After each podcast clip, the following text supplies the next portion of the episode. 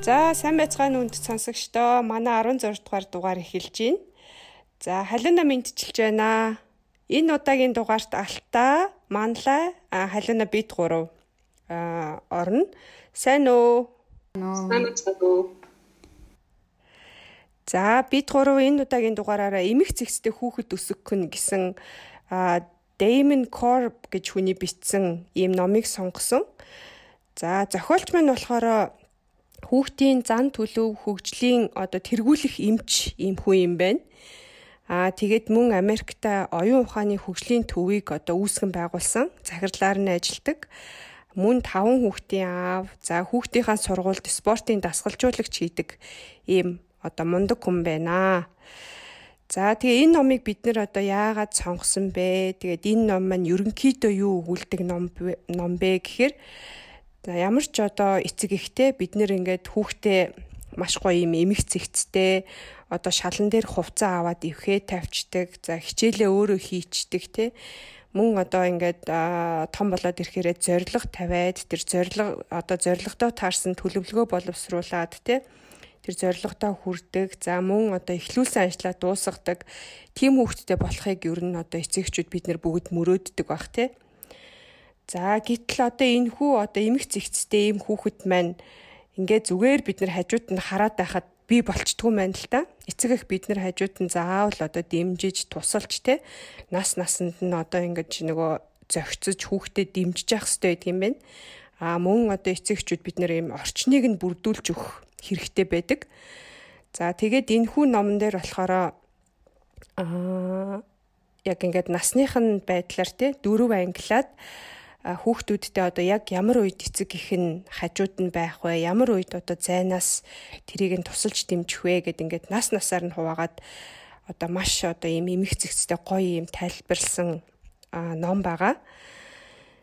За тэгээд бүлэг нэгэм маань манлай танилцуулна. За биглээ авчгаа тий. За нэгдүгээр бүлэгт болохтой зэрэг ер нь нэмэх цагц энэ зохион байгуулалттай байна гэдэгт тархины үүрэг оролцоо ямар юм бэ гэдэг талаас нэлээд илүү одоо нөгөө олон жил хийгдсэн судалгаануудын талаар болон ер нь тархины ерөнхий функцүүдийн талаар маш юм уртан юм дэлгэрэнгүйгээр бичсэн байсан. За тэгээ ерөнхийдөө би энэ сэдвийнхээ зөвхөн одоо гол поинтуудыг нэрэ гэж бодож байгаа учраас аа нэлээд товчлоод ярьчаа гэж бодож байна. За тэгээд ер нь бол эмх зэгцтэй байна нь зүгээр л юмнуудаа ингээд цэвэр цэмцгэр байх, эвхээстэй ингээд хуйлаастай байх гэдэг ерөөсөө биш. Инээс илүү бүр илүү давсан нэлээд өргөн хүрээний одоо юм ойлголч юу гэдгийг манай зохиолч маань хэд хэд удаа одоо давтаж хэлсэн байгаа. За тэгээ сая халиунаагч хэлсэн ер нь бол зүгээр яж байгаа л эмх зэгцтэй хүн болчдөг юм биш ер нь бид нэр багаас нь энэ хүнийг бол ерөнхийдөө эмх зэгцтэй хүн болгож өсгдөг гэдэг нь бол одоо бас хамгийн гол мессеж яваад байгаа. За тэгэхээр эмх цэгцтэй байхад ер нь хүүхдийн тархины хөгжилтэй одоо маш гүн уялдаа холбоотой байдаг. Тийм учраас одоо дараагийн бүлгүүдэд бид нар яг нас насанд нь тохирсон зөвлөгөө аргачлалуудыг оруулаад явсан байгаа. За нэгдүгээр энэ нэгдүгээр бүлэг дээр бол энэ тархины үүрэг оролцоо ямар юм бэ? Ер нь а яагаад гэдэг асуултанд хариулах бол дараагийн бүлгүүдэд маань бол хэрхэн яаж одоо тэр нас насандаа таарсан аргачлалуудыг яаж ашиглах вэ гэсэн иймэрхүү зохион байгуулалттайгаар бичигдсэн байгаа даа.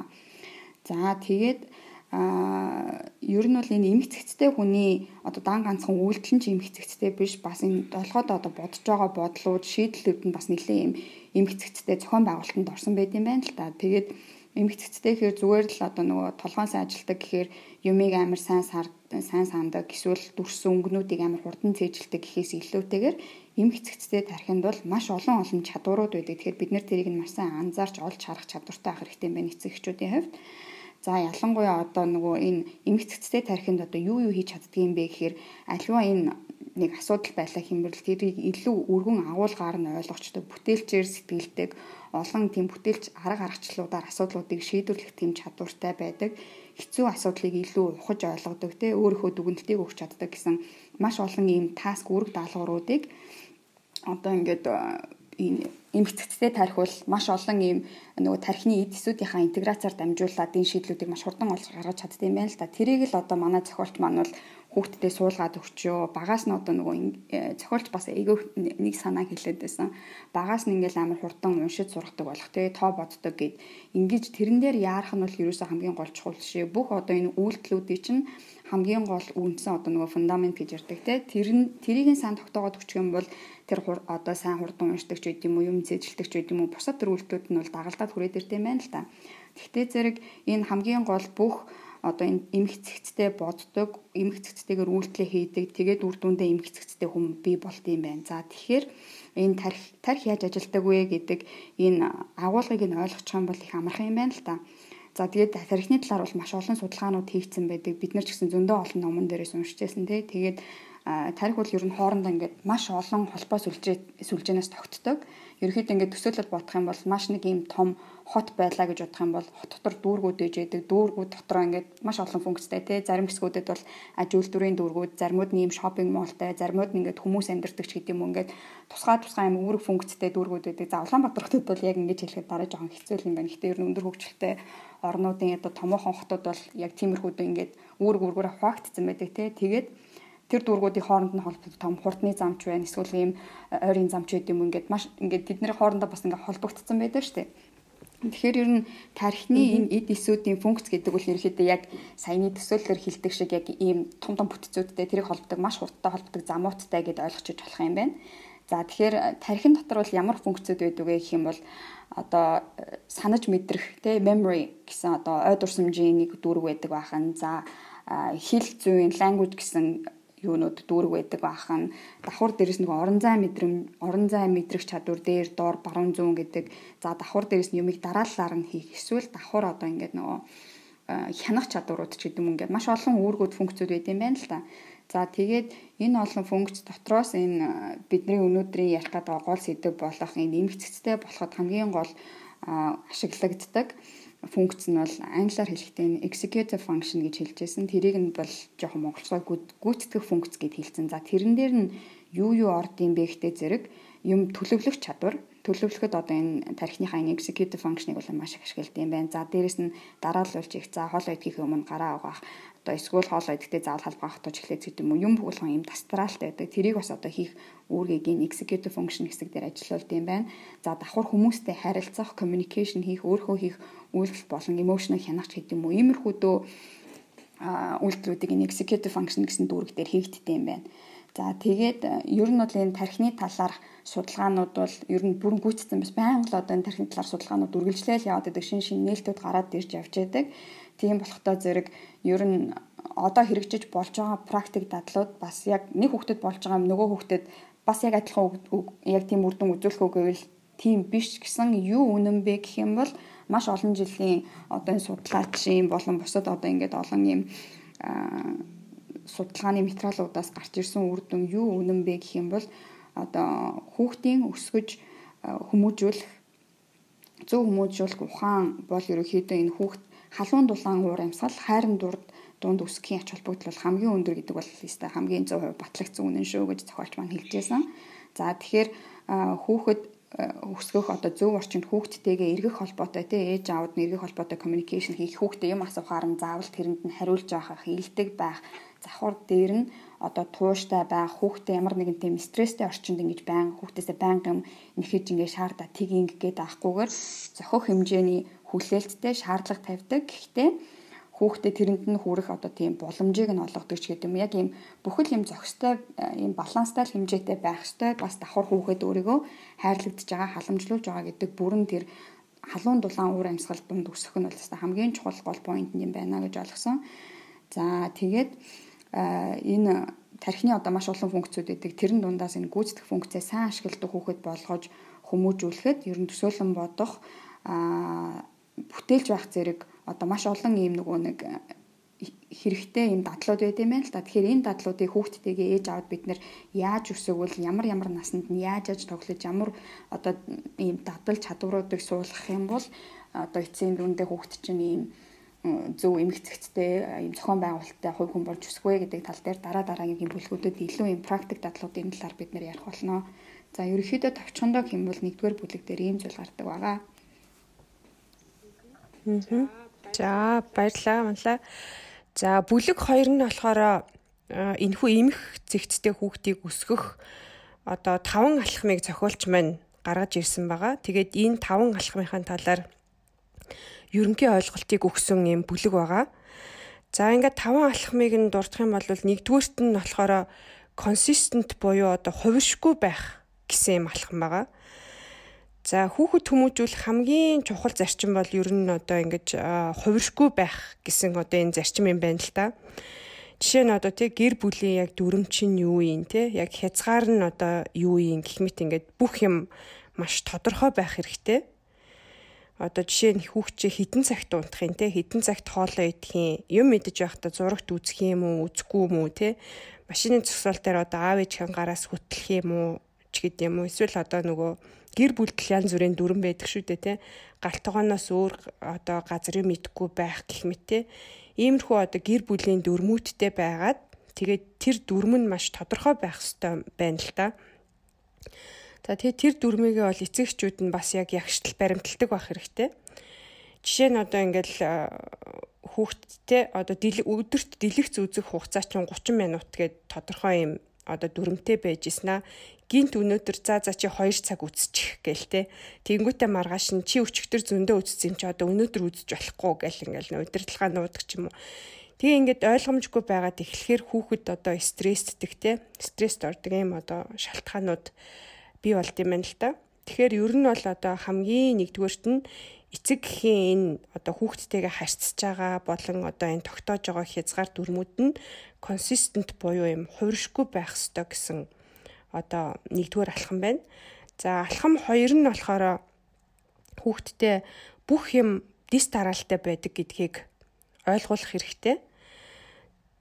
Одоо жишээ нь ингээл ямар нэг даалгавар те үйлдэл бүхэн юм гурван яг юутэй байдаг юм байна л да. Гурван үндсэн юм дис дараалтай байдаг.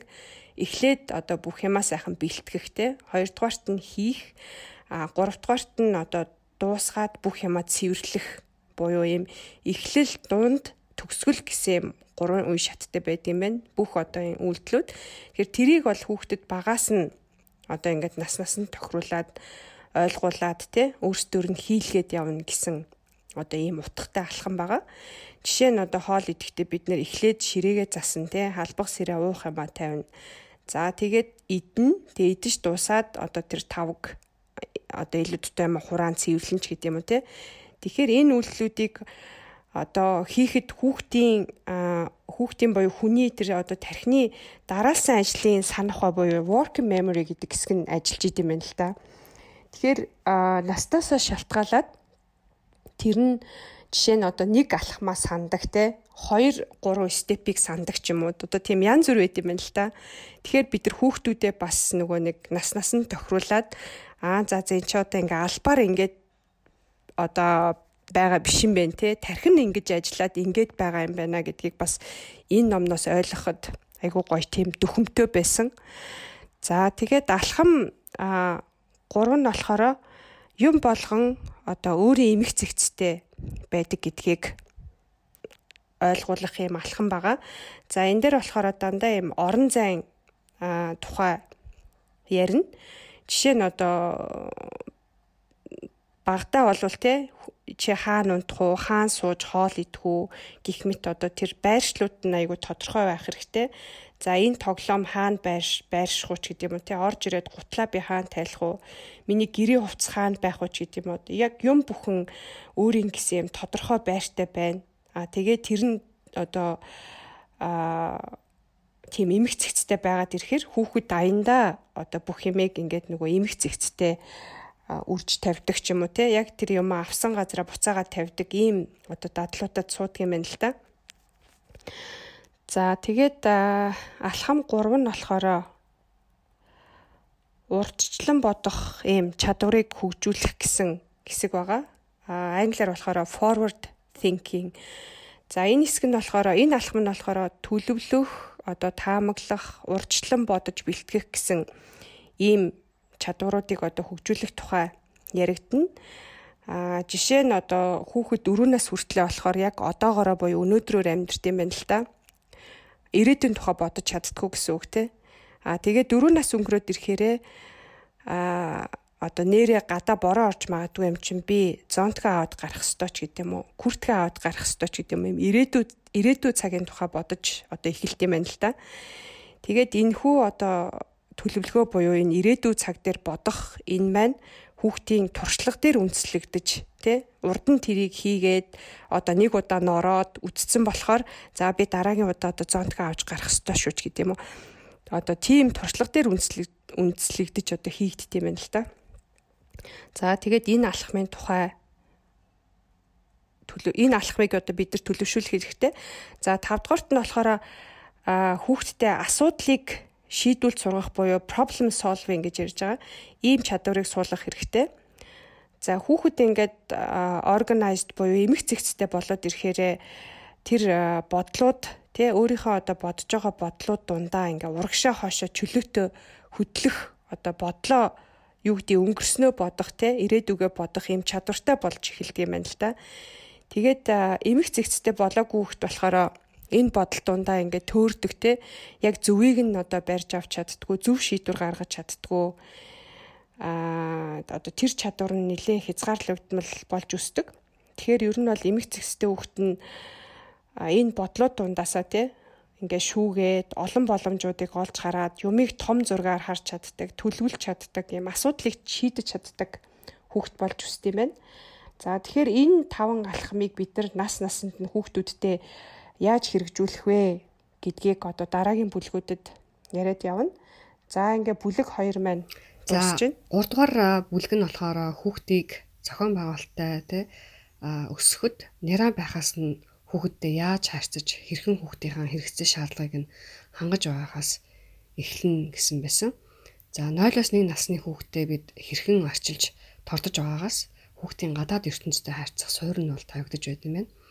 За хүүхдийнхаа хэрэгцээг болон одоо хүүхдийнхаа тий аль болох хэрэгцээг нь бол тогтмол хангаж байх нь хүүхдийн альва зүйлд итгэх одоо ихтэй байхад бол нөлөөлж байдаг юм байна. За энэ насны хүүхдтэй эцэг эхчүүд маань одоо юунд анхаарах вэ гэхээр аль болох хүүхдийнхаа тогтмол хүүхдэд тогтмол цагт унтуулж тайван байдалд хүүхдэд хооллож хэвшиж одоо орчин тойрныг нь байн одоо өөрчлөх өөрчлөхгүй байх нь бол зүйтэй гэдэг юм байна. За энэ насны хүүхэд альва юмны шалтгаан үр дагаврыг сурч эхэлдэг юм байна.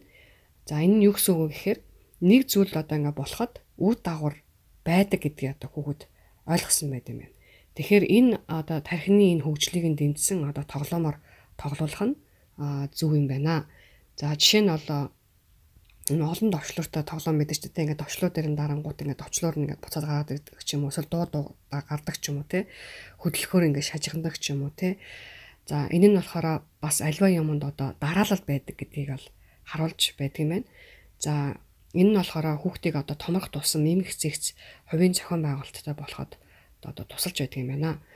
За жишээ нь бол энэ насны хүүхдтэй нэг одоо ээж ээж нь те одоо аав нь ч юм ингээд хүүхдэд тоглохдоо ингээд нүрээ алчуураа таглаад ээж нь хаана байна аав нь хаана байна гэд те тэнгүүтээ ингээд нүрнээсээ алчуураа холдуулаад ээж нь энэ байна аав нь энэ байна гэд те тэгээ яванда хүүхд чинь нөгөө энэ тоглоомыг тоглоод ирэхээр а хүүхд чинь ингээд нөгөө өөрийнхөө одоо нүрнийхээ урд ингээд алчуураа те алчуур ингээд хүүхдээ гуур тахаар өөрөө ингээд одоо нүүрнээс ингээд алчуураа холдуулдаг ч юм уу те.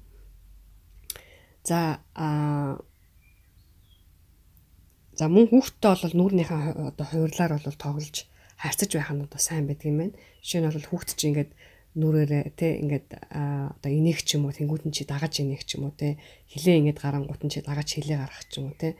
За энэ нь болохоор хүүхэд альва юмны юмд одоо дараалал байдаг гэдгийг те жишээ нь бол би ингэх юм бол энэ ингэн тэгээ ингэх юм бол тэгнэ гэсэн юм дараалал аливаа юмны мөн шалтгаан ба үр дагаврыг одоо одоо ойлгож байна гэж одоо ойлгож болох юм байна.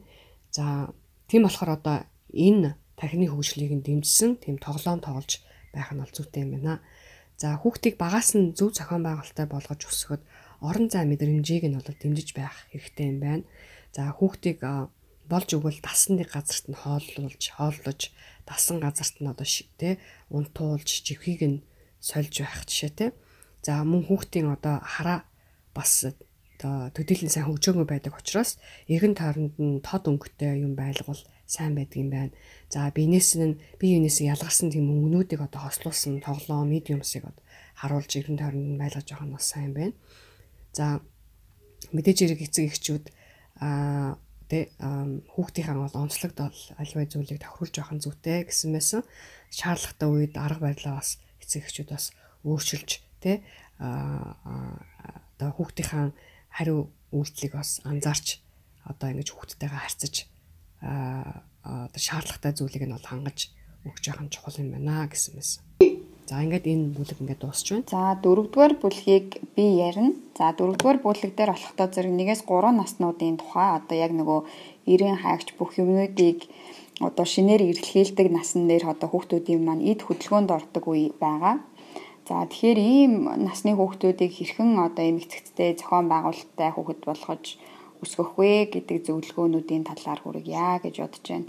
За энэ насан дээр бол хүүхдүүд гэр бүлээрээ дамжуулаад ээж аваараа дамжуулаад нийгмийн харилцаанд орж эхэлдэг байгаа. За тэгээ ерөнхийдөө бол харсан юм болгоно яг л ингээл дуурайгаал яг л тэрийгэ хийж эхэлдэг. За тэгээ энэ насны хүүхдүүд маш их хөдөлгөөнтэй одоо нөгөө гар хөлн хөдөлгөөнд ороод гүүж хараагаал яг эд хөдөлгөөнд орж идэг учраас одоо ээж аавуудын хувьд бол хүй хүй болохгүй шүү болохгүй шүү хүй тэгж болохгүй ингэж болохгүй буюу одоо нөө нөө нөө нөө гэдэг үе одоо хамгийн хэрэглэгддэг нас юм байна л да. Тэгээд энэ бүлэг дээр надад хамгийн сонирхолтой санагдсан нь нөгөө яг ийм насны нөгөө хөдөлгөөн нэгсчдэг учраас ээж аауд ингээд нөгөө байн болохгүй болохгүй хүй хүй хүй гэж хэлээд байдаг учраас хүүхдүүдийнх нь чихэн ингээд нөгөө байн нөө нөө гэдээ хар дүжирчдэг юу ч хэлсээрээс хамаагүй тоохоо болчтой юм байна л та. Тэгэхээр ээж аавдад болохоор нөгөө зохиолч маань нөгөө нэг таван степ байгаа дээ тий таван одоо нөгөө тууштай байх, дэс дараалтай байх гэдэг одоо яг тэр дарааллуудаараа ингээд зөвлөгөө өгөөд явсан байгаа. За хамгийн эхлээд нөгөө consistent байх буюу би бол энийг монгол хэлээр нь тууштай байх одоо ерөөсөө яг л нэг нэг хэлсэн юм яг тэрэндээ ягштал одоо юм тууштай байх гэж орчуулсан. За хамгийн ихэнд бол би бол нэлийн товчхондоо ярьж гэж бодож байгаа. Тэгэхээр ер нь бол энэ насны хүүхдүүдэд гэх юм бол юунд юун дээр ийм тууштай байх вэ гэхээр хамгийн эхлээд энэ аюулгүй байдлын одоо хил хязгаарыг тогтоогод өгчих хэрэгтэй. За жишээ нь машинд явах юм бол заавал baby seat дээрээ суун тий.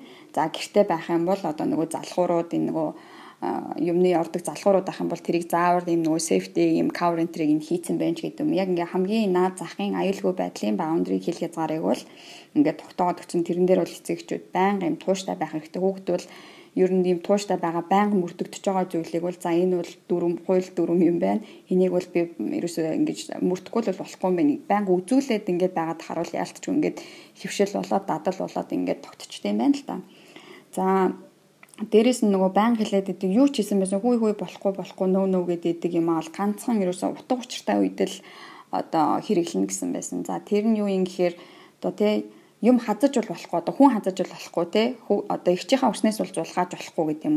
За яг ийм гол гол зүйлдер бол no буюу тэгж болохгүй гэсэн юмыг яг бүр гол гол юм дээр л хэрэглэн тэрнээс одоо жишээ нь хүү хурдангуйж болохгүй гэхийнхээ оронд юу гэдэг чи хурдан үгээд байвал халтраад унчих учраас энийг ингэж тойроод гүйж гэдэг юм тэр үгүй гэдэг үгийг тайлбарлаж хэлэх хэрэгтэй байна л да.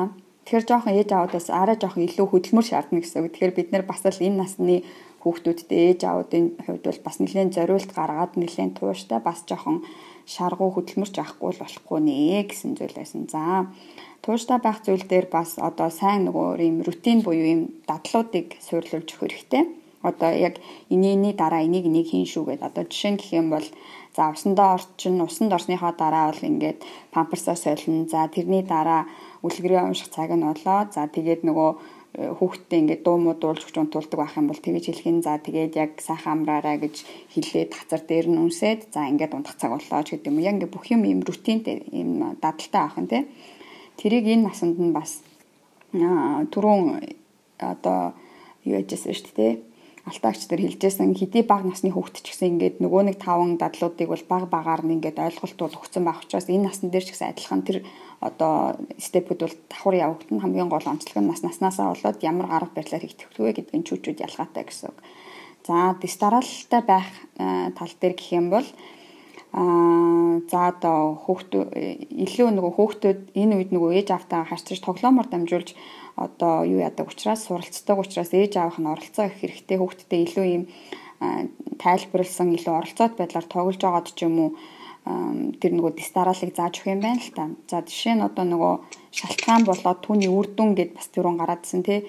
Тэрэн дээр гээд тэрнтэй холбоотой одоо нөгөө хамрыг нь дарвал нүд нь хөдөлдөг юм уу. Одоо янз бүрийн тоглоомод байдаг байх л та. Тиймэрхүү тоглоомор дамжуулаад энийг ингэх юм бол дараа нь ийм юм гарах юм байна гэдэг тэр шалтгаан тэрийг хийх юм бол үр дагавар нь ямар байдг вэ гэдгийг ойлгуулсан тийм энгийн тоглоомуудыг бас ингэж тоглоом ашиглаж хүүхдүүдэд ойлгуулж болох юм байна.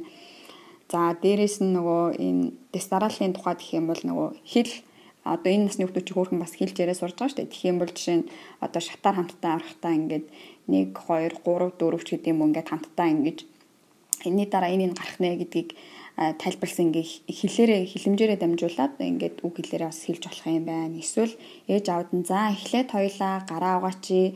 За тэгээд өглөөнийхөө цаг уучи. Тэгээ өглөөний цааны дараа ямар хоолн дараагийн хоол идэг үлээж гэдэг юм одоо эхнийх дараагийнх гэсэн одоо иймэрхүү үгнүүдийг бас ингэж нөгөө өгүүлбэр зүйдээ хоорондоо ярих нөгөө харилцан ярианда бас ийм ойлголтуудын талаар хүүхнүүдийг ашиглаж хүүхдтэйгээ ярих нь хэцүүтэй ингэнэ. Тэгэхээр яадаг вэ гэхээр Аа тэгээ бас давхар одоо жигчэн юу гэдэг. Өдрийн хоолны дараа хоёлаа гадаа тоглолцоод тэгээд дараа нь нохоогоо салхилуулчаад тэгээд дараа нь юу гэдэг мэдхгүй. Тэгээд дэлгүүр ороод ч гэдэг юм уу иймэрхүү дарааллуудын талаар ингээд ярих юм бол хүүхэд ерөөхдөө цаг хугацааны талаарх нөгөө концепт ойлголтуудыг бас ингээд баг багаар хөөрхөн өөртөө суулгаж авдаг гинэ. За тэгээд бас нөгөө гурав дахь шатан дээр болохтой зэрэг нөгөө юм юмд өөр өөр юм байршил байгаа гэж хэлсэн шүү дээ.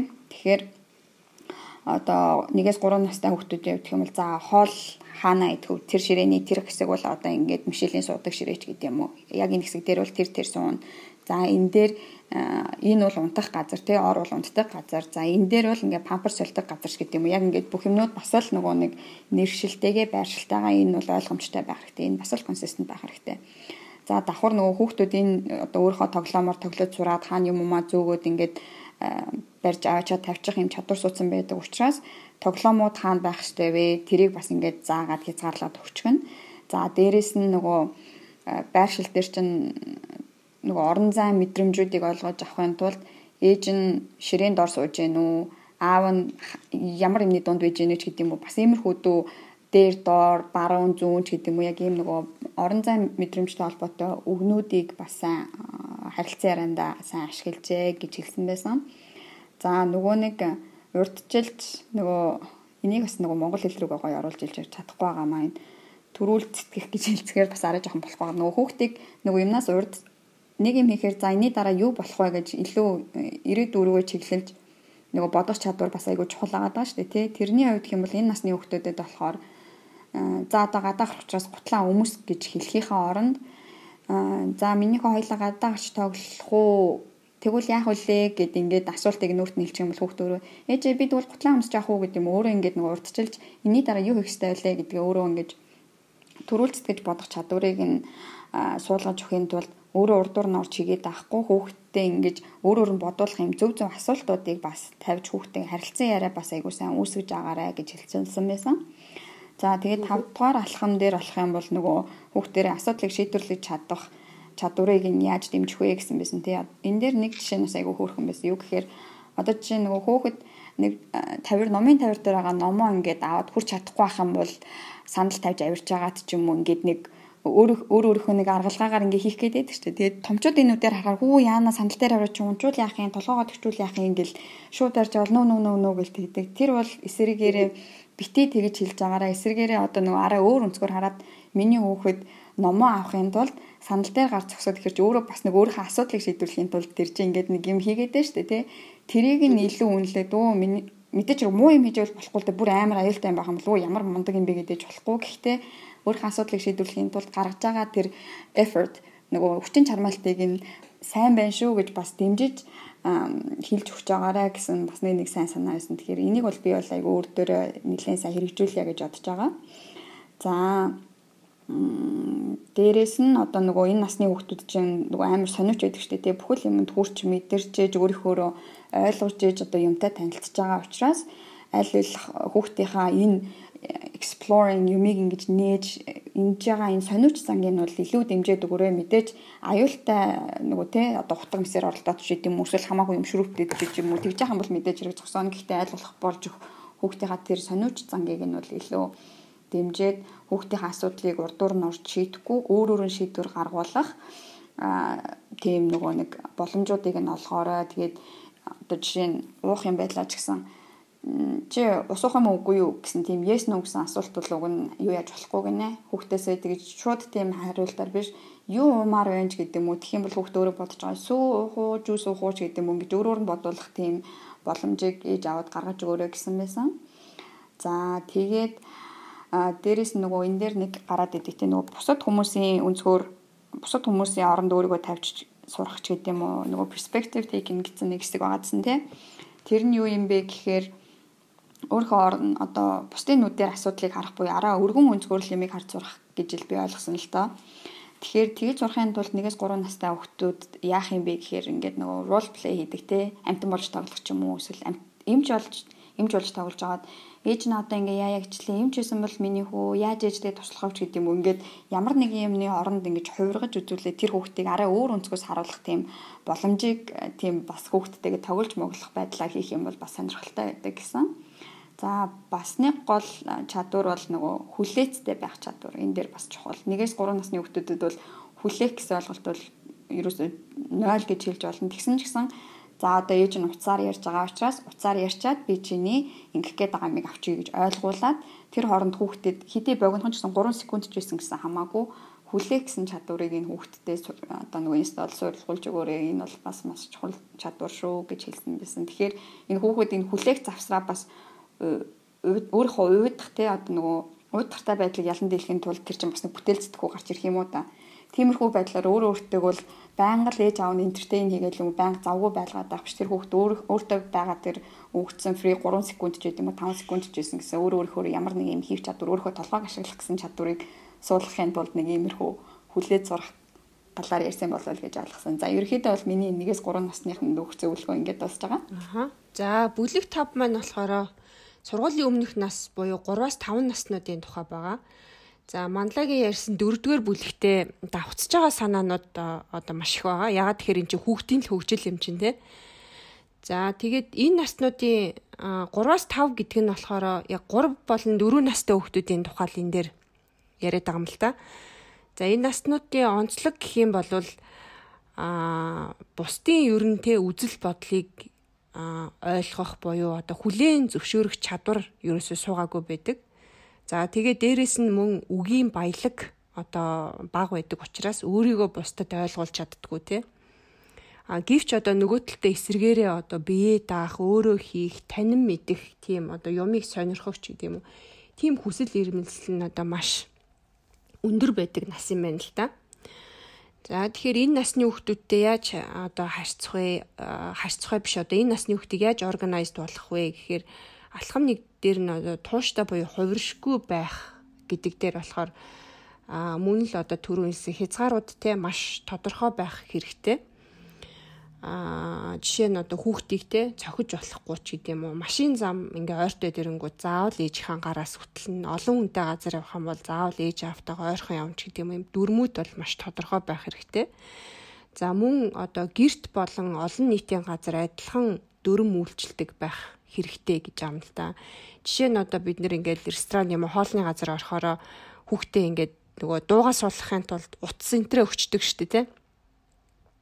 А тэгэнгүүтээ гэртээ ирээд хүүхд маань одоо утас гуухаар бид нар өгдөггүй. Тэгэхээр хүүхдийн тарих бол одоо яагаад ихэд өгчөөд яагаад гэртээ болдгоо бол гэд ингээд гайхаад одоо тэрнээсээ болоод стресс стрессдэг ч юм уу уйлдаг те. Тэгэхээр а одоо олон нийтийн газар байхдаа ч юм уу гэртээ ч юм уу ингээд дөрмөн бас яг юм тууштай байх хэрэгтэй байна л да. А хэрвээ үнэхээр одоо хүүхдтэй яалтчгүй утсаа өгч одоо тоглуулахаас ч юм iPad өхөөс юм аргагүй байдал үүсэх юм бол тэрийг маш сайн тайлбарлаж өгөх хэрэгтэй байна л да хүүхдтэй. Жишээ нь одоо юу гэдгийг бид нар хоол захиалсан чи ингээд бодож ирсноос нилээ удахаар боллоо тий Тэгэхээр ингээд энэ удаад чам тэдэн минутын уцаар тоглох юм зөвшөөрөл өгөө. Гэртээ бол харин хоёлын ингэхгүй шүү гэд ингээд маш сайн ойлгуулж хэлэх хэрэгтэй гэдэг юм хүүхдтэй. За тэгээд энэ насанд мөн л одоо түрүү хэлсэн өглөөний дэглэм, одоо хоолны дэглэм, унтах дэглэм, одоо хувцлах дэглэм гэтээ тэдрийгээ бол ягштал мөрдөх хэрэгтэй. За яг хаан сууж хоолоо идэхин те хаан унтахын ямар дараалттай байхын хідэн цагт байхын гэдэг одоо энэ дээрээ бол маш юм тууштай буюу хувиршгүй байх хэрэгтэй. За тэгээд мөн бас одоо нэг удаа нэг зүйлээр тоглоод тэгээ яг тэрийгээ буцааж байранд нь тавьчаад дараагийн зүйлээ авч тоглоно ч гэдэм үү. Тэгээ бас яг энэ дадалт энэ насны хүмүүсийг суулгах хэрэгтэй. За тэгээ яг одоо нөгөө бид нэр 5 минутын дараа гарыг шүүч гэдэг юм уу? 5 минутын дараа хоёлаа явъя шүүч гэдэг юм уу? Тэгж хилчээд өөрөөсөө ингээд нөгөө нэг айгу удчихдаг те. Заримдаа болохоор 1 минут болоог байхад яасан бэ гэ тэгээд ундаг. Тэгэхээр яг 5 минут гэж хэлсэн л бол одоо яг 5 минутаа барьдаг ч гэдэг юм уу? Яг энэ дөрмүүдтэй бол тууштай хувиршгүй байх хэрэгтэй. За алхам хоёрт нь болохоор одоо юм дистаралтай байдаг гэдгийг хүүхдэд танилцуулах хэрэгтэй гэсэн алхам байгаа тийм За энэ дээр болохоор түрүү мандлагийн хэлсэн шиг юм дарааллын хиллэг хиллэгүүдийг одоо хүүхдүүдтэй а өдөр тутамдаа танилцуулах хэрэгтэй гэсэн байна л да. Одоо жишээ нь бид нар ингээд нөө флаш карт үзүүлээл өдөрт 30 минут хүүхдтэй заах биш. Одоо өдрийн турштай эргэн тойрныхоо буюу ингээд нэг хүрээлэн байгаа зүйлээ ашиглаад хүүхдүүдтэй ингээд өдрийн турш зааж явах хэрэгтэй байна л да.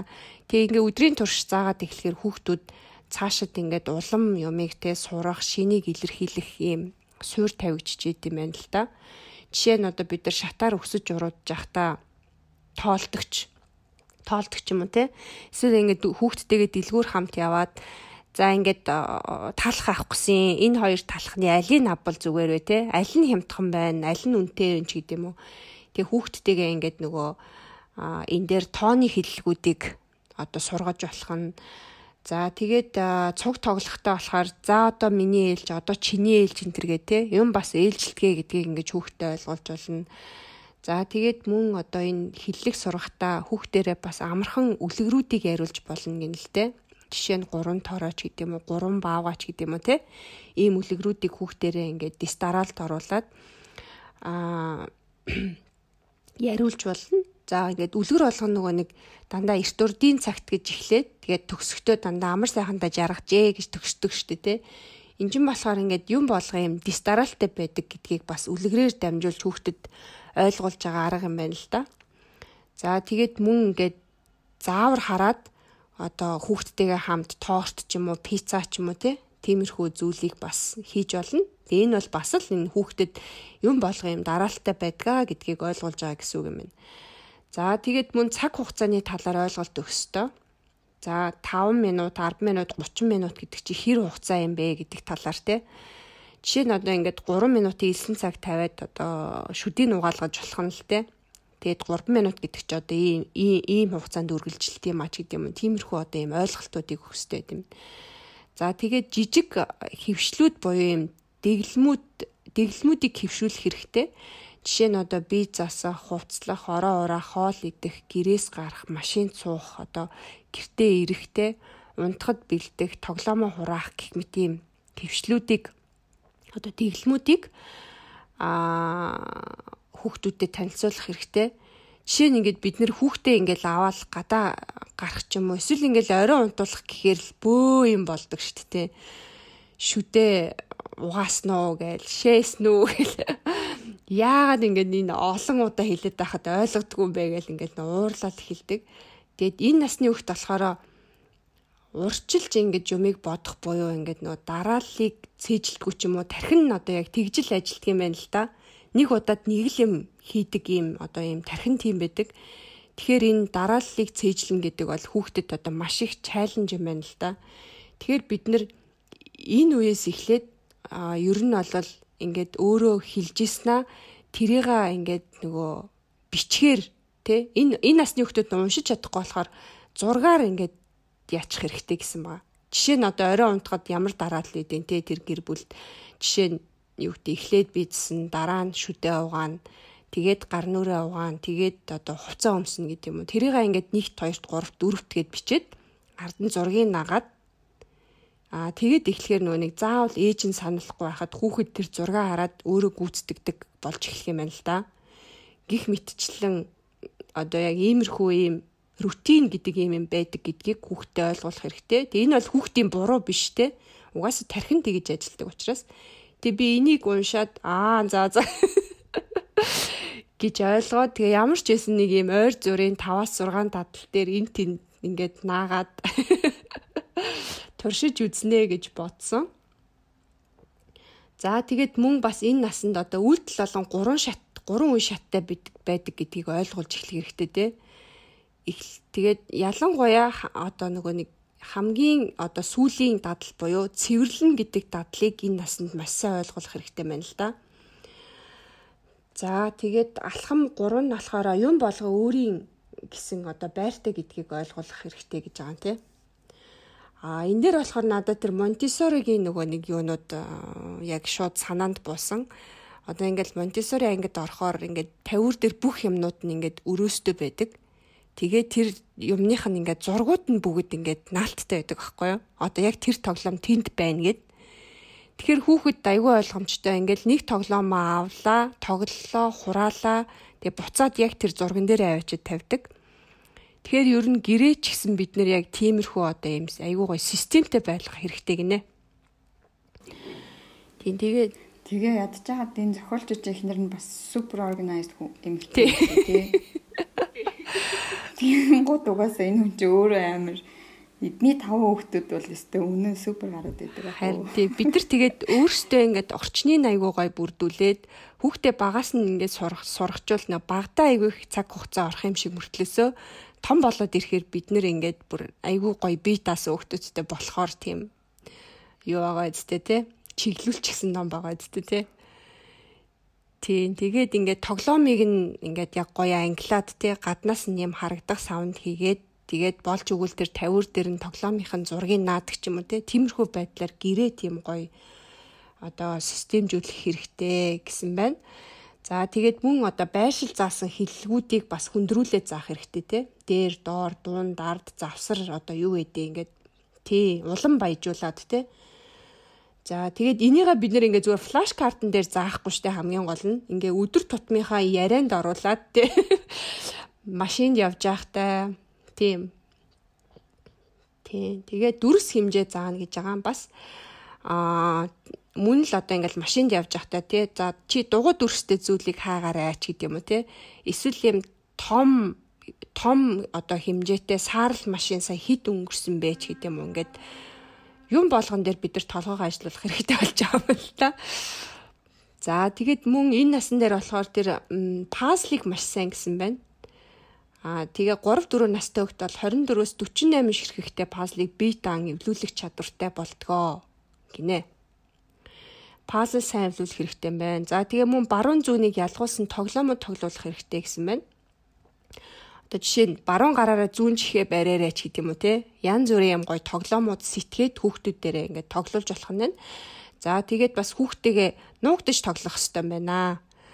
За нуугдаж тоглох нь одоо яагаасаа юм бэ гэхээр энэ орон зайн юм уу энэ байршлыг айгуу сайн хүүхдтэй а мэдрүүлж байгаа юм л та. Жишээ нь ингээл хүүхэд ингээл дөнгөж нуугдаж одоо тоглож эхлэнгүүд хөшгөний ард нуугдаал хөлн цохуугаад ахт нуугж ийн гэж одоо зогсоод идэг те. Тэгэнгүүтээ сүулдэ бүр ингээд шүүгээс саунд ороод ингээд сүулдэ бүр ингээд чимээ мэмээ гаргахгүй нуугдаж муугдаж чаддаг болдог. Тийм. Тэгэхээр бид нар бас энүүгээр нь хүүхдийнхаа тархины хөгжил хаана явж байгааг ойлгож болох нэ. Яа, надаас айгүй нуугдаж тоглоё гэж гуйдаг шүү. Тэгээ би амар тэр амар уйдаад идэг болохоор 2 3хан тоглож байгаа. За болоо гэжтэй байхгүй. Тэгвэл нуугдаж тоглож байгаа юм. Тоглож явах хэрэгтэй байна. За тэгээд мөн бөмбөг бөмбөгөөр одоо маш сайн тоглох хэрэгтэй гэсэн байна бөмбөг шийдэх, байрж авах те. Тэгээ энэ дээр болохоор нэг нүд гарын хөдөлгөөн, за тархин дотор болохоор бүр ингээл нэг геометрийн тооцоол энэ төр явж идэм байна л та. Тэгээд ингэж тоглосон хүүхэд том болоод машин сайн барих чадвар нь одоо бусдаас хамгаас хамаагүй илүү байдаг гэж байна. Тэгэхээр ер нь нэг спортлог хүмүүс чинь машин барихтаа айгүй нэг тийм эв дүүтэй байдаг шүү дээ. Тийм. Тэгэхээр энэ дээр болохоор нөгөө hand eye coordination гэж байдаг. Одоо тэр нүд гарын одоо нөгөө зохицох хөдөлгөөн гэдэг юм уу те. Тиймэрхүү юмнууд нь маш сайн хөгжиж идэг юм байна л да. За тэгээд мөн гар урлал те юм хай одоо хайчлах, наах, цавуудах, зурах одоо юу гэдэм баримлаар, илсээр, шавраар янз бүрийн хийх нөө жижиг гарын булчин гэж байдаг те. Тэр юмнуудыг нь бас хөгжүүлэх хэрэгтэй ах нэ. За тэгээд алхам дүрэн маань болохоор нөгөө нэг юмыг урчилж харах те төлөвлөх гэсэн одоо энэ энэ чадварыг нь хөгжүүлэх хэрэгтэй гэдэг байгаа те. За тэгэхээр үйлдэлүүдийг ийм жижиг алхмуудад хуваагддаг гэдгийг хүүхдэд ойлгуулах хэрэгтэй байна л да. Одоо төрүүн бас хэлсэн шиг те хоол идэн гэдэг чинь одоо ийм ийм ийм дарааллууд хуваагддаг ч гэдэм үү. Одоо унтахтаа бэлтгэх чинь жишээ нь ийм дөрөв дараалт хуваагдана гэх тэрийг ингээ сайхан зургаар илэрхийлээд те тэгж ойлгуулах хэрэгтэй. За тэгээд ийм дандаа ирээдүй цагийг заасан өгнүүдийг бас яриандаа ашиглаад те жишээ нь одоо маргааш хоёулаа дүүгээ цэцэрлэгээс нь аваад дараа нэмийг эндээ очиод тэгээд тэрний дараа гадаа тоглоно ч гэдэм ингээд нөгөө ирээдүй төлөвт ярих нь л те За тэгээд мөн одоо энэ төлөвлөж байгаагаа бас хүүхдтэйгээ хуваалцаад те өөрийнхөө одоо жишээ нь ээж нь маргааш одоо тим тим ажлыг тэгин тэгин ч гэдэг юм ингээд төлөвлөгөөгөө бас хуваалцаад хүүхдтэд үлгэрлэх хэрэгтэй. За тэгээ муийн насныхантай болохоор төлөвлөгтөө дандаа асуулт асууж төлөвлөх хэрэгтэй гинэ. Хүүхэд ингээд нөө өөрөө төлөвлөх буюу урчилж харах чадвартай арай суугаагүй байдаг 3 4 настай хүүхэд нь.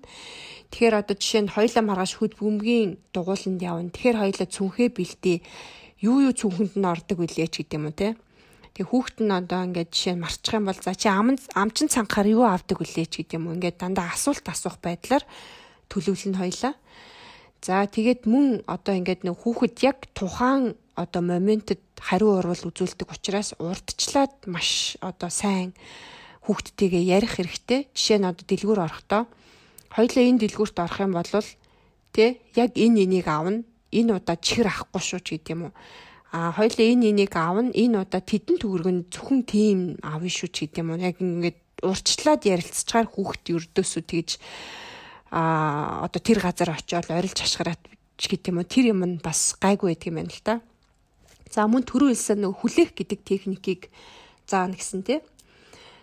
Одоо ингээл хүүхд чинь ингээл хүнтэй уцаар одоо ээж нь хүнтэй уцаар ярьж хат хурж ирэл ээжээ ээжээ ээжээ ээжээ гэх ингээл хажуунаас ингээл нөгөө байнга ингээл дуудаал те би уцаар ярьж штэ гэж ах чинь л ээжээ ээжээ ээжээ гэл өөрийнхөө амиг хэлэх гээд байдаг штэ тэгэнгүүт нь одоо ингээд дохиогоортой ингээд уруулан дээрээ ингээд нэг гараа ингээ хүргээд ингэх юм бол чи намайг яг 1 минут хүлээн шивч гэдэг юм уу энийг хүүхдтэйгээ ингээ урьдчилаа тохирчих хэрэгтэй байдаг юм байна За тэгээд өөр бас юу ээж болох вэ гэхээр ингээд зөвхөн гоё юм зурагтай ном үзүүлээд те зөвхөн зургийг үзүүлээд энэ зохиолч юу илэрхийлэхийг хүссэн бол гэдгийг ингээд хүүхдэрээ зохиолгож бас яриулж болно.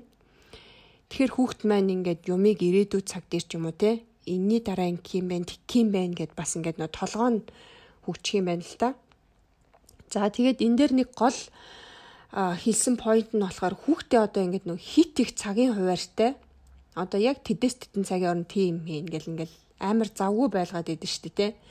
Эсвэл ингээл жоохон зав гараал хүүхэд нь ингээл хийх юм олж ядаал явж яхад нь за энэ ердөөс энэ хийх юм олж ядаад байна ингээл зурагт үзүүлдэг ч юм уу видео тоглоом тоглоулдаг ч юм уу дандаа тэгчдэг. Аа тэрний оронд ингээд хүүхдээ юм хийцгүүрэх буюу юм чөлөө цаг олгох хэрэгтэй байна л да. Тэгээ хүүхэд уйдаад ихлээр эхлэхээр уйдсан хүүхэд хүүхдийн одоо тархин ингээд ажиллаж эхэлдэг. За би одоо юу хийх вэ те юу хийж болох вэ гэдэг энэ тархин дотроос энэ бодлуудаа гаргаж ирээд тэгээд тэндээсээ өөрөө сонголтоо хийгээд тэгээд дараа нь уйдсан үедээ өөрөө өөрийгөө саатуулдаг юм чадвартай болдго юм байна. Наадах ч ястай яг үнэн. Би наадах чи Мишель дээр амар туршиж байгаа одоо нөгөө уйдаад сургах гэдэг юм уу? Уйдсан үедээ яаж өөрийгөө аргацаад сурах уу гэдэг нь амар чухал юм байна гэж бодоод. Тэгэхгүй бол ингээ банк нэг юм телевиз юм уу эсвэл ингээл утас мутас ухаал банк нэг юмар ингээ бомбардуулдаг байгаа шүү дээ эдгээр чинь.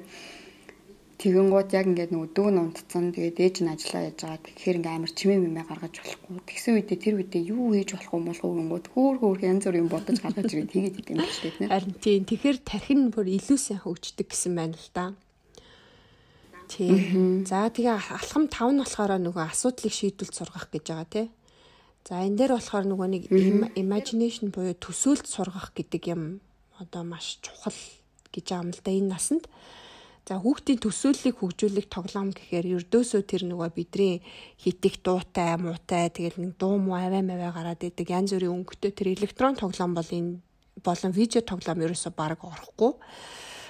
За юу арах вэ гэхээр хүүхэлдээ те жижигхэн юм тоглоом баатрууд за дүр тойрох тоглоомууд одоо юу гэдэг эмчийн гал командын одоо дүр тойрох те за тэгээ хөөрхөн юм галтгооны хэрэгслүүд өрдөх тоглоом лего гэсэн ийм тоглоомууд орд юм байна л та.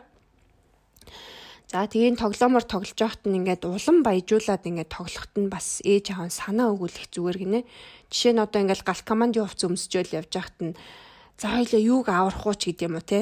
Ингээл нөгөө жишээ нь ингээ зүгээр нэг яваад байхгүй те? Хоёлоо юм аварч тоглож моглол. Эсвэл галтгооны эргэслэр зүгээр нэг тоглоод байхгүй хоёлоо одоо гоё төрсөн өдрийн партид зохиох уу энэ төр гээл те улам тэр төсөөдлийн гоё баяжуулаад тэгтэн дэмжээрээ гэсэн байна.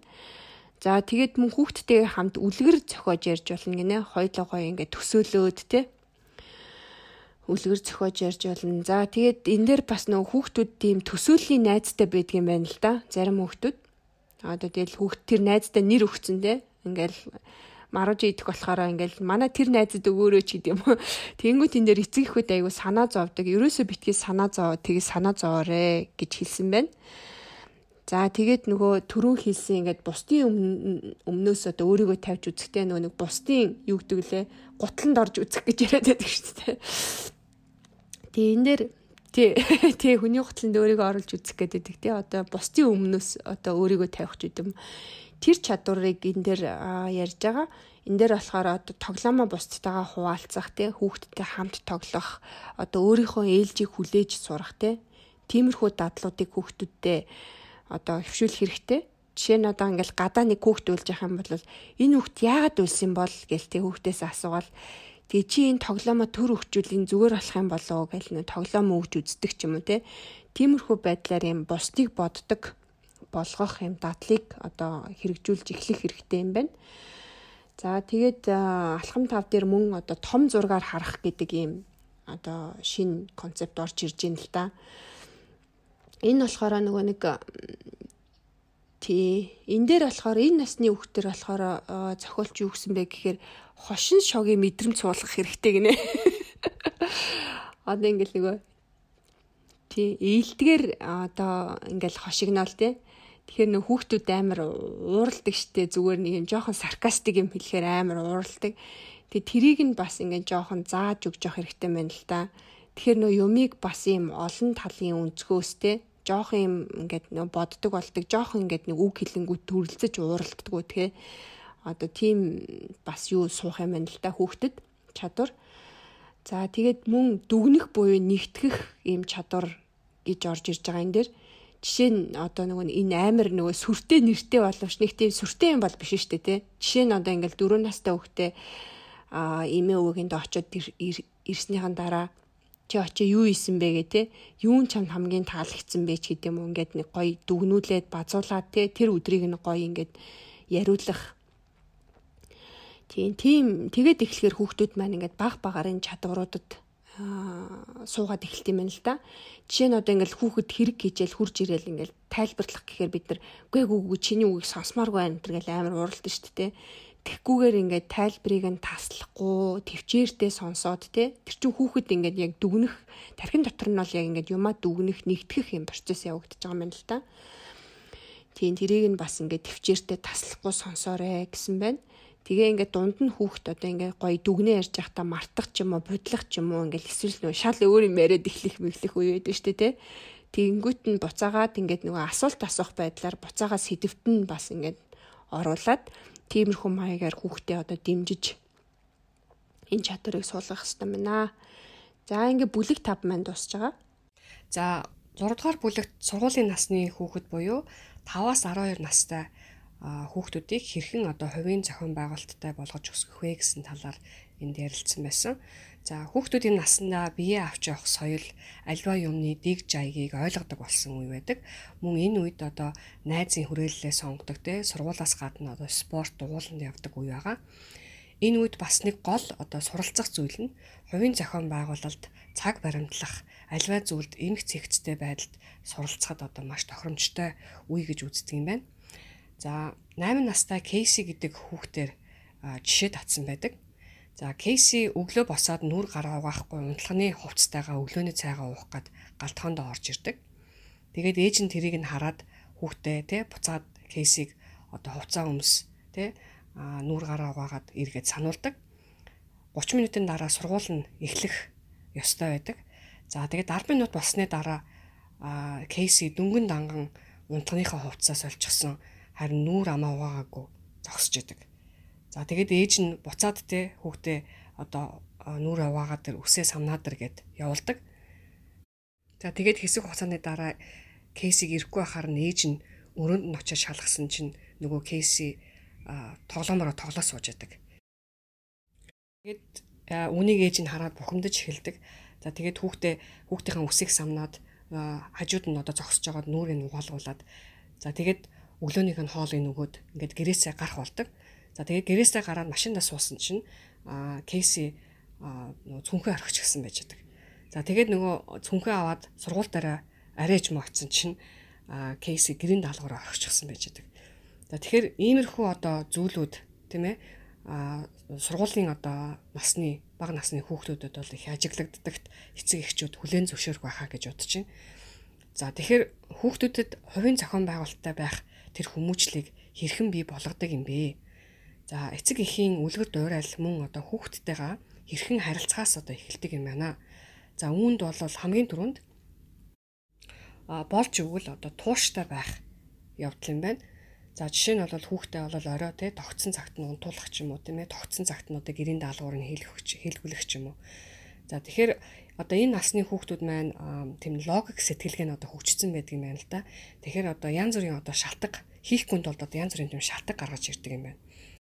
За жишээ нь бол одоо юу гэдэг орой унтах цаг нь болчихсон багт чинь манад зочин байгаа юм чинь би өнөөдөр орой жоохон орой унтчихэж гэдэг юм уу эсвэл юу гэдгийг өнөөдөр би телевизээ жоохон удаан үзчихэж гэдэг юм уу те а яагаад гэвэл а надад өөр хийх юм байхгүй юм ч гэдэг юм уу иймэрхүү юм одоо шалтгаанууд хүүхдүүд гаргаж ирдэг тийм ээ тэгэхээр энэ үед нь болохоор болохоор одоо эцэг эхчүүд эхлээд яах хэрэгтэй гэхээр хүүхдтэйгээ сайн сонсох хэрэгтэй а тэгээд ингэснийхэн дараа бас ерөнхийдөө тийм яагаад те одоо яг энэ тогтсон цагтаа унтах ёстой. Яагаад телевизийг одоо удаан хугацаа үзэж болохгүй гэдэг ингээд хүүхдэд гоё ингээд тайлбарлаж өгөх хэрэгтэй гэдэг юм байна л да. За жишээ нь болохоор одоо энэ сургуулийн насны хүүхэд 8-аас 8.5-аас 11 цаг унтчих хэрэгтэй. Тэгэх юм бол хүүхдийн тарих сайн ажилдаг, хурдан өсдөг гэдгийг нь бас сайн тайлбарлаж ойлгуулж авах хэрэгтэй. Тэгэхээр эцэг эхчүүд ерөнхийдөө өөрийнхөө байр суурин дээр бол маш тийм бат зогсож явах хэрэгтэй тийм ээ. Жохон юм болонгууд л одоо өөрийнхөө одоо хэлсэн тэр зүйлээсээ юу яагаад буцаад эргэж буцаад байдаггүй байх нь чухал гэсэн байсан. За мэдээж хэрэг одоо энэ насны хүүхдүүдийг альва зүйлд альва зүйлийг хийж сурахад хэвшүүлэхэд бол эцэг эхийн зүгээс бол маш их төвчээр шаардна тийм ээ. Байнга л одоо хүүхдэд сануулах тийм зүйлүүд гарна бас альва зүйлд хязгаар тавих тэр зүйлүүд гарна. Тэгэхээр эцэг эхчүүд болохоор аль аль болох л одоо төвчээртэй тийм ээ а байвал зүгээрээ одоо байн байн сануулж байх нь зүгээрээ гэсэн мэсэн. За 5-аас 12 насны хүүхдүүдтэй харьцахтаа ерөнхийдөө тийм коуч буюу дасгалжуулагч маягаар хүүхдтэй харьцах хэрэгтэй юм байна. За ахлах ангийн хүүхдтэй болохоор аль болохоор одоо юу гэдгийг менежер маягаар юм уу тийм буюу одоо ерөнхийдөө тийм ажигласан хэрэгтэй үед нь тусалсан тийм маягаар хүүхдтэй хүүхдтэйгээ одоо харьцах хэрэгтэй гэсэн байсан. За За тэгээд хүүхдийг бие дааж тийм ээ а энэ хувийн зохион байгуулалттай болгож өсгөхөд бол эцэг эхчүүд бол гурван зүйл бол анхаарах хэрэгтэй гэсэн мэсэн. За нэгдүгээрт нь бол хүүхдээсээ бол 100% одоо төгс байхыг бол шаардах явдал бол буруу юм аа. Тэ мэ альва хүүхд чинь орлого гаргаж л байвал түүнийг нь дэмжиж одоо юу гэдэг сайшааж явах хэрэгтэй гэсэн мэсэн. За мөн хүүхдийгээ одоо өөр хүний өмнө гадны хүний өмнө хүүхдэд загнахгүй байх байх нь зүйтэй гэсэн байсан. За бас гурав дахь зүйл нь болохоор хүүхдтэйгээ харьцахтаа бол аль болохоор уурлахгүй байх, төвчээртэй хандхыг бол энэ зөвлөсөн байсан. За энэ бол мэдээж хэрэг эцэг гэхэд эцэг эхчүүд заримдаа бол үнэхээр төвчээр гарах төвчээр гарахад тийм амар байдаггүй шүү дээ тийм ээ. Тэгэхээр аль болохоор л хүн тайван байж хүүхдэд аль болохоор сануулгах тийм ээ. Энэ бол хүүхдэд угаасаа сануулж л байж байж л одоо хүүхэд сурна гэдэг эцэг эхчүүд бас бас тийм мэдчихэл бас илүүдэхгүй бах. За а өдөр тутам одоо хийж хөвшүүлж одоо тий сургуул сайн гэсэн тийм зүйлүүдийг бол нас насаар нь одоо одоо ангилсан байсан. За жишээ нь бол 5-аас 7 насны хүүхдүүд ерөнхийдөө бол өглөөний хоолоо өөрөө бэлдээд идчихдэг тийм ээ хувцаа өөрөө өмсчдэг. Аа За 8-аас 9 насны хүүхдүүд болохоор усанд одоо өөрөө орчдөг тийм ээ. Карантин нэгээд усандаа ороод карантин хаагаад ингээд тийм ээ. Өөрөө бас одоо өдрийн хоолой бэлтждэг болчихсон байвал одоо сайн гэж байна. За 10-аас 12 насны хүүхдүүдэд болохоор гэрийн даалгавраа өөрөө хийчдэг тийм ээ. За мэдээж хэрэг хэрэгтэй үед нээж аваасаа одоо тусламж авдаг байвал зүгээрээ гэсэн байсан. За мэдээж бол хүүхд болгон өөр тийм ээ Тэгэхээр эцэг эхчүүд одоо өөрсдийн хүүхдийнхээ онцлог нь онцлог тохируулж бас хүүхдүүдтэй бас хандаж хүүхдүүдээ хүүхдүүдтэй сургах нь зүйтэй гэсэн мэсэн. За а мэдээж эрэг одоо тийм ээ хөгжлийн бэрхшээлтэй хүүхдүүд нь бас байгаа тийм ээ. За сонсгол муутай, хараа муутай хүүхдүүд бас байгаа.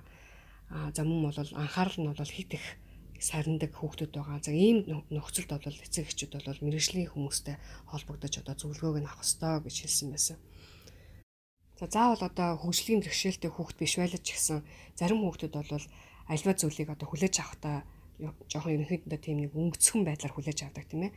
Зарим хүүхдүүд болохоор анхаарал нь бол айгу хурдан сарндаг ч юм уу. Зарим хүүхд болохоор альва зүйлийн дарааллыг цээжлэхдээ жоохон удаан байдаг ч юм уу тийм ээ. Тэгэхээр энэ хүүхдүүдийнхаа энэ онцлог нь тохируулж хүүхдтэйгээ харьцах зүйтэй гэсэн байсан. За жишээлбэл бол анхаарал сарндаг, хурдан анхаарал сарнждаг тийм хүүхдүүдэд юм хэлж сануулгахдаа аль болохоор одоо тайван орчинд байхад нь одоо хүүхдтэйгээ ярилцаж тийм ээ хийх ёстой зүйлийг нь одоо сануулж хэлэх юм байна. Жишээ нь бол хүүхдийн одоо анхаарал сарндаг, хурдан анхаарал сарндаг бол одоо телевиз үзээд сууж ахт нь тэр хүүхдэд одоо мянга юм хэлээд мэдээж ирээ тэр хүүхд хүлээж авахгүй шүү дээ тийм ээ. За мөн бол альва зүйлд одоо тий хайхамж одоо хайхрамжгүй ханддаг тийм үү? Эсвэл одоо альва юмыг ой тогтохдоо муу ч юм уу? Тийм хүүхдүүдэд олол тохирсон одоо тийм дасгал тийм ээ. Тэр одоо ой санамжийг дэмжсэн одоо тоглоомоо тоглуулж авах гэсэн ийм бол саналыг нь дэвшүүлсэн байсан. За дараагийн бас нэг чухал зүйл нь болохоор хүүхдтэй альва зүйлд бол үе шатлал бай байдаг гэдгийг бол ойлгуулах. За мөн одоо альва зүйлийг бол тийм ээ хийхэд хид хідэн одоо үе шатлалаас бүрддэг гэдгийг бол ойлгох хэрэгтэй гинэ. За жишээ нь бол гэрийн даалгавар хийх гэж байгаа болвол тийм ээ эхлээд одоо зааврыг нь унших. За тэгээд одоо гүйцэтгэх, дараа нь одоо уншсан зүйлээ бичих, тийм ээ тэгээд одоо ойлгосон хэсгээ одоо баттгах. Эцэст нь одоо гэрийн даалгавраа багштай одоо ингээд хүлээлгэж өгөх гэдэг тийм ээ.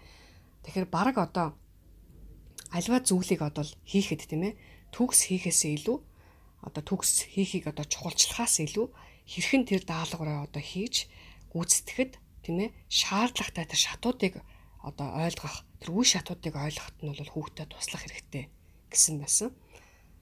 За мөн бол хүүхдэд бол цагаа зөв зөв зохицуулах тийм ээ а хүүхдэд бол цаг хугацааны тэр одоо одоо баримжааг бол хүүхдэд одоо заах нь бол чухлаа гэсэн байсан. За үүнд бол жишээ нь бол хүүхдийг өөрөөр нь одоо өдрийнхөө цагийн хуваарийг гаргуулах ч юм уу тийм ээ. За мэдээж хэрэг хүүхдтэй энд нь бол эхлээд ингээд тусал эхлээд туслах дэмжих хэрэгтэй. За мөн бол жишээ нь одоо юу гэдгийг чи өнөөдөр найзтайгаа тоглох болонгүй орой тийм ээ 5 цагаас өмнө гэртээ ирээч ирээрээч гэдэг юм уу тийм ээ. За мөн бол хүүхдтэй бид нар аливаа зүйлийг одоо дуусгадаг байх. Эхэлсэн бол заавал дуусгадаг байх гэсэн ийм одоо юу гэдэг үзэл одоо үзэл баримтлалыг хүүхдэд заахан чухал байдаг юм байна. Жишээ нь болоод юу гэдэг нь нойлд орсон бол чи заавалчгүй усаа татах, дараа нь гараа угаах, тийм ээ. А хог тарьсан бол тэрийгэ цэвэрлэх. За гэрэн даалгавраа хийсэн бол дахин тэрийгэ шалгах, тийм ээ. Багштаа тэгээ хүлээлгэж өгөх. За тэгээд эн тэнд явж байхдаа тийм ээ өөрийнхөө хувцас орхиж явахгүй байх ч юм уу. За тэгээд ерөнхийдөө бол а хүүхэд бол гэрийн даалгавраа өөрөө хийчдэг тийм ээ гэртээ гэрийн ажил тусалдаг бол бол ахлах ангид одоо ороход одоо бэлтгэгдсэн байна гэж үзэж болох юм байна. За хэрвээ хүүхэд альва зүйлийг одоо эхлэхээсээ жоохон шантраад ч юм уу, жоохон зайлс хийгээд ч юм уу, жоохон хойш тавиад байх юм бол бас эцэг эхчүүд үүнд нь бас анхаарлаа тавьж бас дэмжлэг үзүүлж байвал одоо сайн юм байна. За хүүхдүүдийнхээ орон зай мэдрэмж чадахыг нь хөгжүүлэхэд а одоо хид хідэн зүйлүүдийг бас хүүхдтэйгээ хийж байвал зүгээр юм байна. За жишээ нь бол сургуультаа хийсэн зүйлүүдийг за наамул ч юм уу тийм ээ гэртээ хүүхдүүд минь аваад ирдэг шүү дээ тийм ээ эцэг эхчүүдтэй харуулах гад тэр энэ болгоныг нь одоо нэг газар англиад гэртээ тийм ээ ингээд яг зохион байгуулалтаа нэг газар ингээд тавьдаг. Жишээ нь бол хийсэн гүйцэтгэж дууссан гэрийн даалгавруудаа бас нэг өөр газар тавьдаг ч юм уу тийм ээ. Тоглоомудаа ингээд өөр өөр газар ингээд яг ингээд англиад бас ингээд тавьдаг, хаягладаг.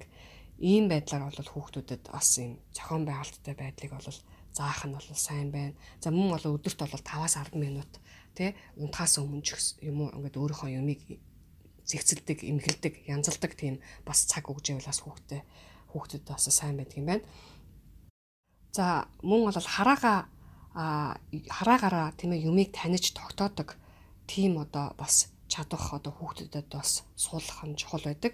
За ингээхийн тулд бол одоо тоглоомод тийм ээ За жишээ нь бол одоо адилхан төстэй хэлбэр хийг нь хооронд нь нийлүүлдэг, хайдаг, хооронд нь холбодог тийм юм тоглоомод байдаг. За оригами, баримлын шавраар ч юм уу мөн бол өөрс тоглодог тоглоомод лего тийм ээ бас бол спорт бол хүүхдэд бол олон талын чадварыг нь бол хөгжүүлэхэд бол тусалдаг юм байна.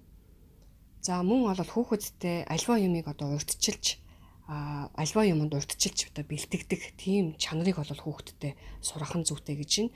За үүнд бол төлөвлөх тэр одоо чадварыг заах Жишээ нь бол хүүхдийн одоо төрс өдөр нь болох гэж байгаа бол хүүхдтэйгээ хам төрс өдрийн төлөвлөх тийм ээ. Хідэн хүүхэд урих уу, хідэн цагаас урих уу, ямар ямар юм бэлтэх үү, ямар ямар хоол унд бэлтэх үү тийм ээ. Авах уу гэл ингээд хүүхдтэйгээ хамт ингээд төлөвлөгөө гаргаж явах нь бол зүйтэй гэсэн байсан.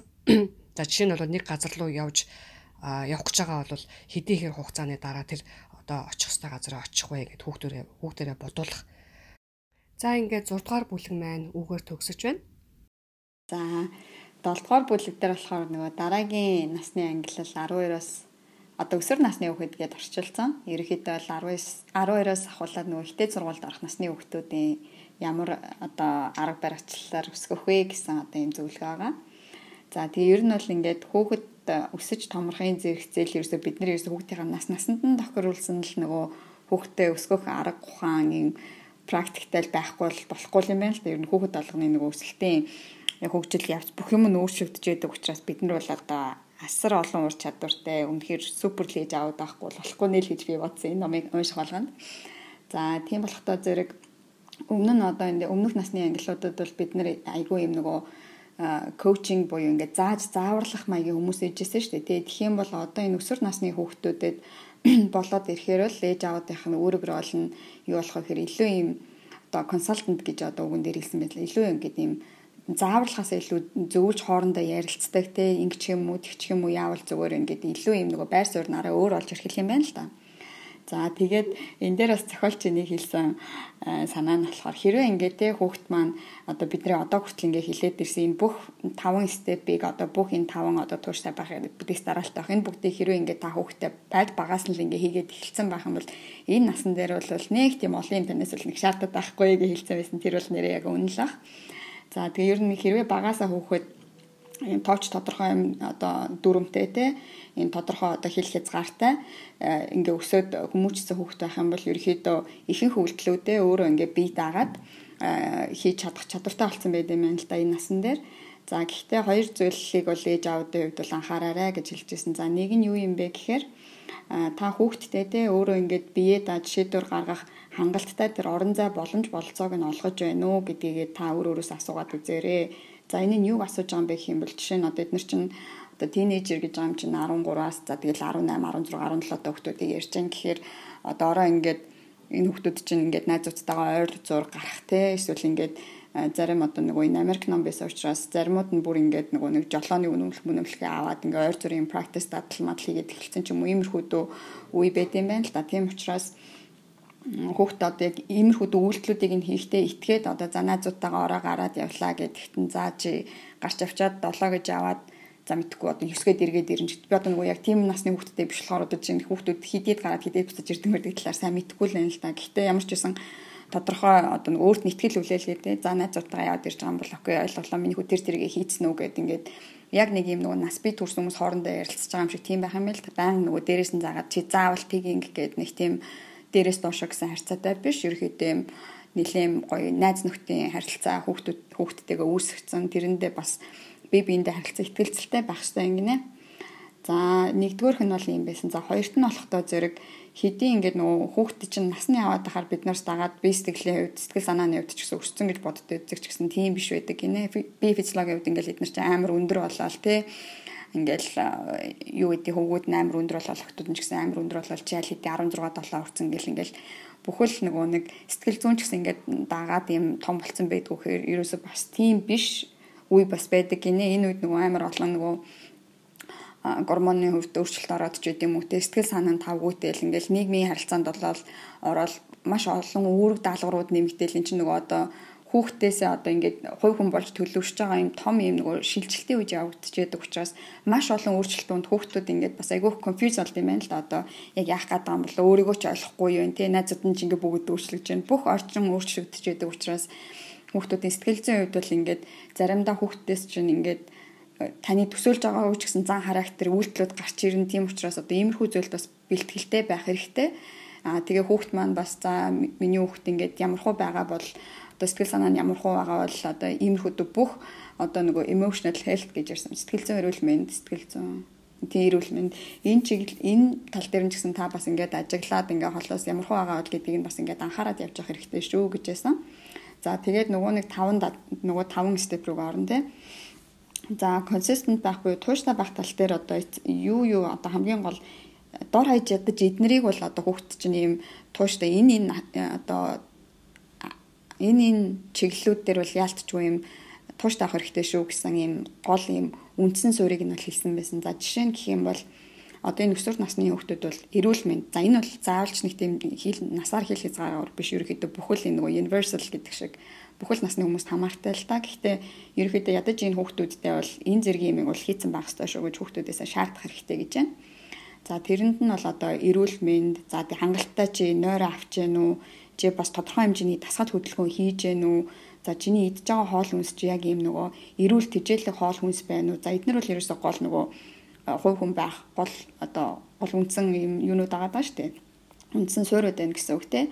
За тэгээд э, энэ насны хүүхд чинь болохоор ингээл илүү одоо өөрийн мэдээж хэрэг гар утастай болсон байгаа, падтай болсон байгаа. Магадгүй зарим хүүхдүүд бол өөрийн PCMS-тэй болсон байгаа даа шүү дээ. Тэгэхээр ингээд одоо ингээд чи хитрхийх одоо ингээд дэлгэцштэй байна мэн, хитрхийх утас оролтоод байна гэхийнхээ оронд нөгөө л дүрмээ ерөөсө тодорхой олчихно. Манай гэрт бол орой 9 цагаас хойш дэлгэц үзэхгүй no screen time гэж хэлчих хэрэгтэй юм байна. Юм бол заавал хүүхдтэйгээ чи тэдэн минут үзнэ үү яасан хийсэн гэл ингээл амар юм олон юм хэрүүлээгээд ингээд ноцолтоод яваад ах юм биш зүгээр л тэр дүрмэл яг тодорхой олгоод хийчих. А за дээрэс нь энэ өсвөр насны хүүхдүүдийн хувьд нөгөө нойрны хувьд юу гэдэм бэ л да. Нөгөө орой их унтаал юу гэдэг оройтож унтаад бүр шүн мөнжингөө сууж гэрийн даалгавраа игээл эсвэл хагас бүтэн сайн болохоо бүр ингэж дэлбэртлээ амар унтаад ч гэдэм үү те яг нэг иймэрхүү нөгөө систем нь алдагдчихдаг үед юм л ягаад тэгэхээр жижигэн байхад бол бид нэр хүүхдүүдэд унтуулад ингээ гэрэл мэрлийн унтраагаа за одоо унтах цаг болсон өглөө олонгууд ингээ тодорхой ингээ системтэй байдаг те тэгжээд л одоо өсвөр насны хүүхдүүд болоод ирэнгуут харьцангуй нөгөө өөрийнхөө цагийг удирдаад өөрөө тэгин ингэн гээд ирдэг учраас энэ хүүхдүүдийн бас тэр нойрны асуудлаас их байд юм шиг байна. За тийм болохдоо зэрэг жишээ нь энэ хүүхдүүдтэй яах вэ гэх юм бол хагас бүтэн санд ч гэсэн ерөөхдөө гэр бүлийнхаа хувьд дүрм гаргаад манайх бол ерөөсөө л хагас бүтэн сайн ажлын өдөр ялгаагүй өглөө яг 7 цагтаа босдог. За тэгээ уул нь гараад нэг цаг алхахдаг. Ингээд тэг ин ингээд гэсэн тодорхой юм нөгөө өрүүл дөрмүүдээ бол яг ингээд цогтойгоо төрчих хэрэгтэй. Юм бол ядаж хүүхд чинь өдрийн 7-оос 8 цагаа ингээ хангалттай авч ийн гэдгийг бол бас ээж аавынхаа оролцоотойгоор чүчүүдийн оролцоотойгоор бас энэ хүүхдийнхаа унтах нойрны асуудлуудыг бас шийдвэрлэж болох юм байна гэжсэн.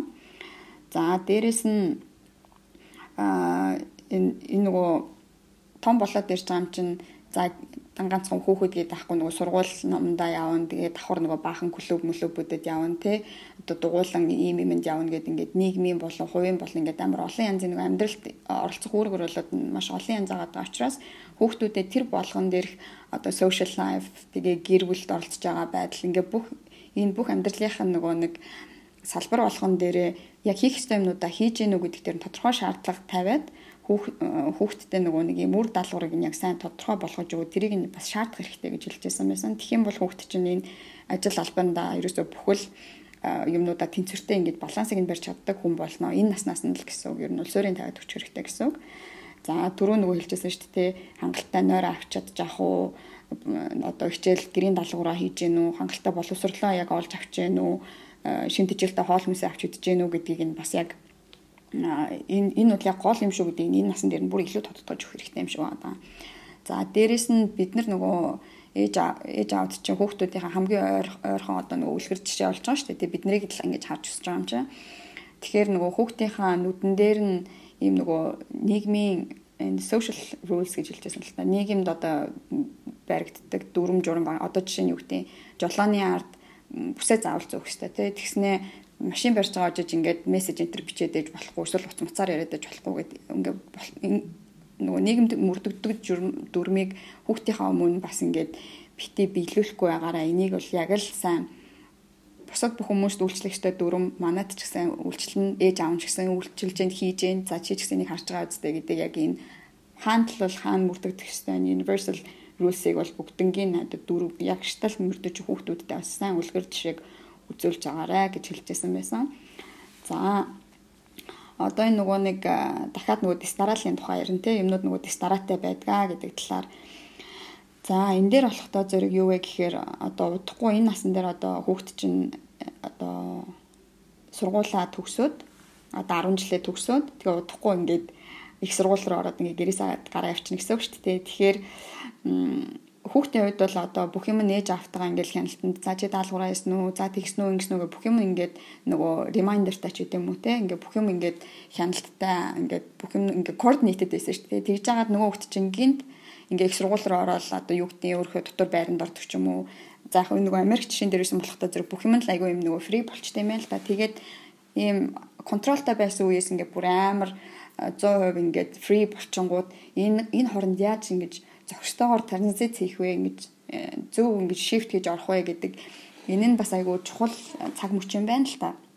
Тэгэхээр энэ shift-ийг одоо яаж э, тийм бод зөв зохистой хэмжээнд хийх юм бэ гэхээр энэ дээр одоо хит хитэн нөгөө нэг скиллүүд хэрэгтэй, ур чадварууд хэрэгтэй. За энэ дээр бол хамгийн чухал гарч ирэх нь нөгөө цагийн цаг төлөвлөлт, цагийн менежментийг яаж хийх вэ? Тэгэхээр одоо 13 дөрөвтэй хүүхдүүдтэй хавлал бас цагийн менежментийг сайн зааж өгөх хэрэгтэй болж байна гэсэн үг. За энэ дээр бол ер нь одоо боломжтой нөгөө нэг төлсөд байгаа тий. Одоо бид нар бол ингээд компьютер дээр ийм онлайн одоо календар байна. Эсвэл ийм тайм тейбл энэ төр өөртөө хэрвээ ийм гоё ийм креатив хүүхдүүд байх юм бол өөртөө бас хийж болох юм байна. Ерөнхийдөө ямар ч үсэн ийм календар хэрэглүүлээд сурчих хэрэгтэй. За тэгээ баг багаар ингээд өдөр тутам хийдэг үйлдэлүүд дээр нэм дедлайн зоож өгөө. За тав дахь гэхэд бол чи энэ энэ гэрийн даалгавраа ингээд хийцэн байх нь штэ гэдэг юм. Заавал тэрийг нэг амар шаардаж бол биш. Гэхдээ ерөөхдөө юм дедлайн гэдэг юм байд юм байна. За энэнд хүрэхийн тулд би өнөөдөр нэгд өдөр юм чин 5 дахь өдрийн хооронд за яаж яаж юмнуудаа хийх вэ гэдэг нөгөө урдчилж юмнуудаа төлөвлөх энэ цагийн төлөвлөлтийг ингээ баг багаар нь одоо сургах юм байна. За энэ дээр гол нөгөө нэг юу байсан? Хэрвээ нөгөө хүүхд чинь ийм дедлайн ямар нэг юмдаа нөгөө цагийн юмыг цагт нь хийж чаддгүй хүүхэд байх юм бол тэр нөгөө backward time planning гэдэг юм юу гэдэм бэ л аргачлал гэдэм бэ л да нөгөө ардаас нь ухрааж нөгөө юма хийдэг. Жишээ нь гэх юм бол За өглөө 8-аас за маргааш өглөө 8-аас бүгдээрээ ингээ хичээлд ч гэдэг юм уу тий. За тэгэх юм бол 7:55 гэхэд гутлаа амссан байна. За тэгээд 7:50 гэхэд бол шүдэ угаацсан байна. Тэгэхээр 7:35 гэхэд өглөөнийхөө цаг уусан байна гэд бүх юмаа ингээд ингээ хоош нь хоош нь ингээд ухраач төлөвлөөд за тэгэхээр ерөөсөө би яг л 7 гэхэд босохгүй болохгүй юм байна. За тэгээд дараа нь ингэхгүй болохгүй юм байна гэд юмнуудаа ингээд ингээд төлөвлөөд явах. Энэ аргачлалыг бол хүүхдтэй бас баг гэлтгүй зааж өгөөрэй гэж хэлсэн байсан. За давхар нөгөө нэг юм болгон хэрвээ эхэлсэн бол юм болгон дуусна тий. Яг л нөгөө эхэлсэн юм а яг сайн дуусгаж нөгөө давс хийвэл дуустал. Уустал, ажил хийвэл дуустал гэдэг шиг. Яг л тэр өгөр бүх юм а ерөөсөө сайн дуусгаж тэр юм хааж closing гэж хэлсэн байсан. За тэгээ энэ дээр бол нөгөө ингээд хол ойцсон бол аяга аваагаад дуустдаг тий. За гэрийн даалгавраа хийх юм бол зүгээр дутуу хичээд ингээ хагас нь хичээд тайчих биш яг ингээ дуусгаад бүх юмаа давхар шалгаад одоо онлайн онлайнаар авах юм бол submission бүх юмаа хийгээд болж гэнэ үгүй гэдгээ чек хийгээд ерөөс яг ингээд бүр яг сайн ягштал нь юмаа хийж дуусгаж чадах чадвар бол одоо бас маш их чухал юм байна энэ энэ насныхны хувьд. За дээрэс нөгөө юмаа бүх юм өөр өөрийн орон зайтай байртай байгаа тийм. Тэгэхээр энэ дээр нөгөө нэг юунууд гэсэн хүүхдүүд чинь нөгөө том болох хэрээр тэдний нөгөө нэг эзэмшдэг юмнууд нь за одоо жоохон байхад бол тоглоом байсан бол одоо ингээл 10 жилийн хүүхдүүд боллоо суурах юмнууд байна. Тэгэл нөгөө хөгжим мөгжимтэй байдаг. Эсвэл ингээл хөл бөмбөг тоглолт ингээл янз бүрийн хэрэгслүүд ингээ хүүхдүүдэд амар олон юмнууд байгаа шүү дээ. Өөрийнх нь ингэж эдэлж хэргэлдэг. Тэгэхээр тэрийг нөгөө яг л түрүүний ярьжсэн юмуд яг л мөн л дөө нөгөө хэрвээ ном төвтрүүд авах юм бол ингээ гоё за математикийн ямиг юм юмд нь хийгээд тавцнуудаа ингээ гоё өнгөнгөөр ялгадаг ч байд юм уу. Одоо нөгөө нэг номын дэлгүр номын дэлгүр шиг юу гэдэг бичиг хэргийн дэлгүрт орохч айгүй гоё гоё юмнууд айгүй хөдөг болсон шүү дээ. Гоё гоё юм нөгөө лейблийн юу гэдэг тэрийг одоо лейблинг гэж ингээ гоё дугаарлалт хийж өгөөд тийнээр зааж өгөөд бүр амар гоё сонирхолтой сонирхолтой. Би яг тэрэнд амар өөрөө амар хоббит байхгүй юу? Сайн л амар хийдгүүл болохоос биш. Стейшнери би бүр амар донтой тэгээд тиймэрхүү хөөх хөөх юмнууд айгүйх гардаг байсан болохтой зэрэг тэднийг айгүй сайн ашиглаад гоё нөгөө нэг бүх юмнууд айгүй гоё органайз хийгээд хаана юмнуудаа яаж тавих вэ хүүгээд бүгднийг ингээ гоё замраатай олгочих хэрэгтэй. Тэгээд а энэ насн дээр нөгөө нэг гол чухал юм нь юу исэн гэхээр одоо хүүхдүүд нөгөө компьютер та болсон хүүхдүүд айгүйх байгаа шүү дээ. Одоо гэрээс ажин сүүлийн энэ жилүүдэд чинь бүр одоо нөгөө корона гараад ихэнх хичээл мичээлүүд чинь дандаа онлайн болсон болохтой. Зэрэг гэрийн даалгаврууд маш их одоо онлайнаар ч үгүй юм уу, файлаар ч үгүй юм уу, маш их нөгөө и нөгөө файлууд айгүйх гарч ирсэн учраас хүүхдүүдтэй одоо бүх юмудаа нэг газар гэхдээ олоход хялбар байдлаар одоо нөгөө файлинг хийж сурах нь л те энэ одоо нөгөө компьютертэй ажилладаг хүүхдүүдийг. Тэгэхээр Э, энэ бол бас айгүй чухал чадвар юм байна гэж утсан. Яг тэгэхээр би энэ дээр өөрөө айгүй муу ахгүй юу. Тэгээд яаж юу яагадаг мэдхгүй ер нь их сайн өөртөө бол ингээ ойлгомжтой юм шиг дандаа ингээ нөгөө файл авахад энэ юу вэ гэдэг дандаа ингэчээдэг. Тэгжээд л манай нөхрийн компьютер энэ төр амар юм амар easy ингээ за тэр тэр гэмхүүд ингээ амар хурдан гаргаад ирдэг. Тэгэхээр би нөгөө нэг багасаа ийм чадвар нөгөө нэг сайн суугаагүй тэгээд явандаа ч нэг амар сайн сураагүй. Тийм болохдоо зэрэг яг энэ нөгөө нэг компьютер дээр файлуудыг эвтэйхэн ингэж хийх мэх гэдэг юм айгүй чухал юм байна гэдэг би бол амар сайн мэдчихэж байгаа. Би бол өөр амар нөгөө фейлдсэн кейс болохоор энийг айгүй сайн мэддэг. За тэгэхээр энэ насны хүүхдэд баг гэлтгүй энийг ингээд сайн мэддэг хүмүүс хүмүүс ах юм бол эсвэл ингээд одоо юм болгон Google дээр мэдчих боломжтой болсон шүү дээ. Тэгэхээр энэ 10 жилийнхны хүүхдүүдийг бас энэ e-файлингийн талаар сурах нь хэрэгтэй юм байна. За бас нөгөө нэг юу байсан? Нөгөө зүг чиг байдаг шүү дээ. Нөгөө хаана юмнуудын орон зай мэдрэмж гэдэг шүү дээ. Тэрэн дээр одоо бүр нөгөө нэг энэ насныхан ч одоо бас агцсан төвшин учраас ойр зургийн ингээд нөгөө хэрэв одоо нөгөө машин цэгийн барай явж явах юм бол одоо э, чи нөгөө батаах их чи хаана үйдэг вэ гэх юм бол ингээд нөгөө нэг баримжаалаад энэгээр яваад ингээд тэгдэг гэдэг тэр юм юмыг ам амаар нь тайлбарлуулах эсвэл ийм энгийн юм өмнөд ингээд гар гар марын биш ээ гэдүүлээ газрын зураг, газрын зураг мургийг ингээд твтэйгээ өөрхөн зурулцдаг тийм мимэрхүү байдлаар бас хөгжүүлэх хэрэгтэй гэсэн энэ хэсэг дээр.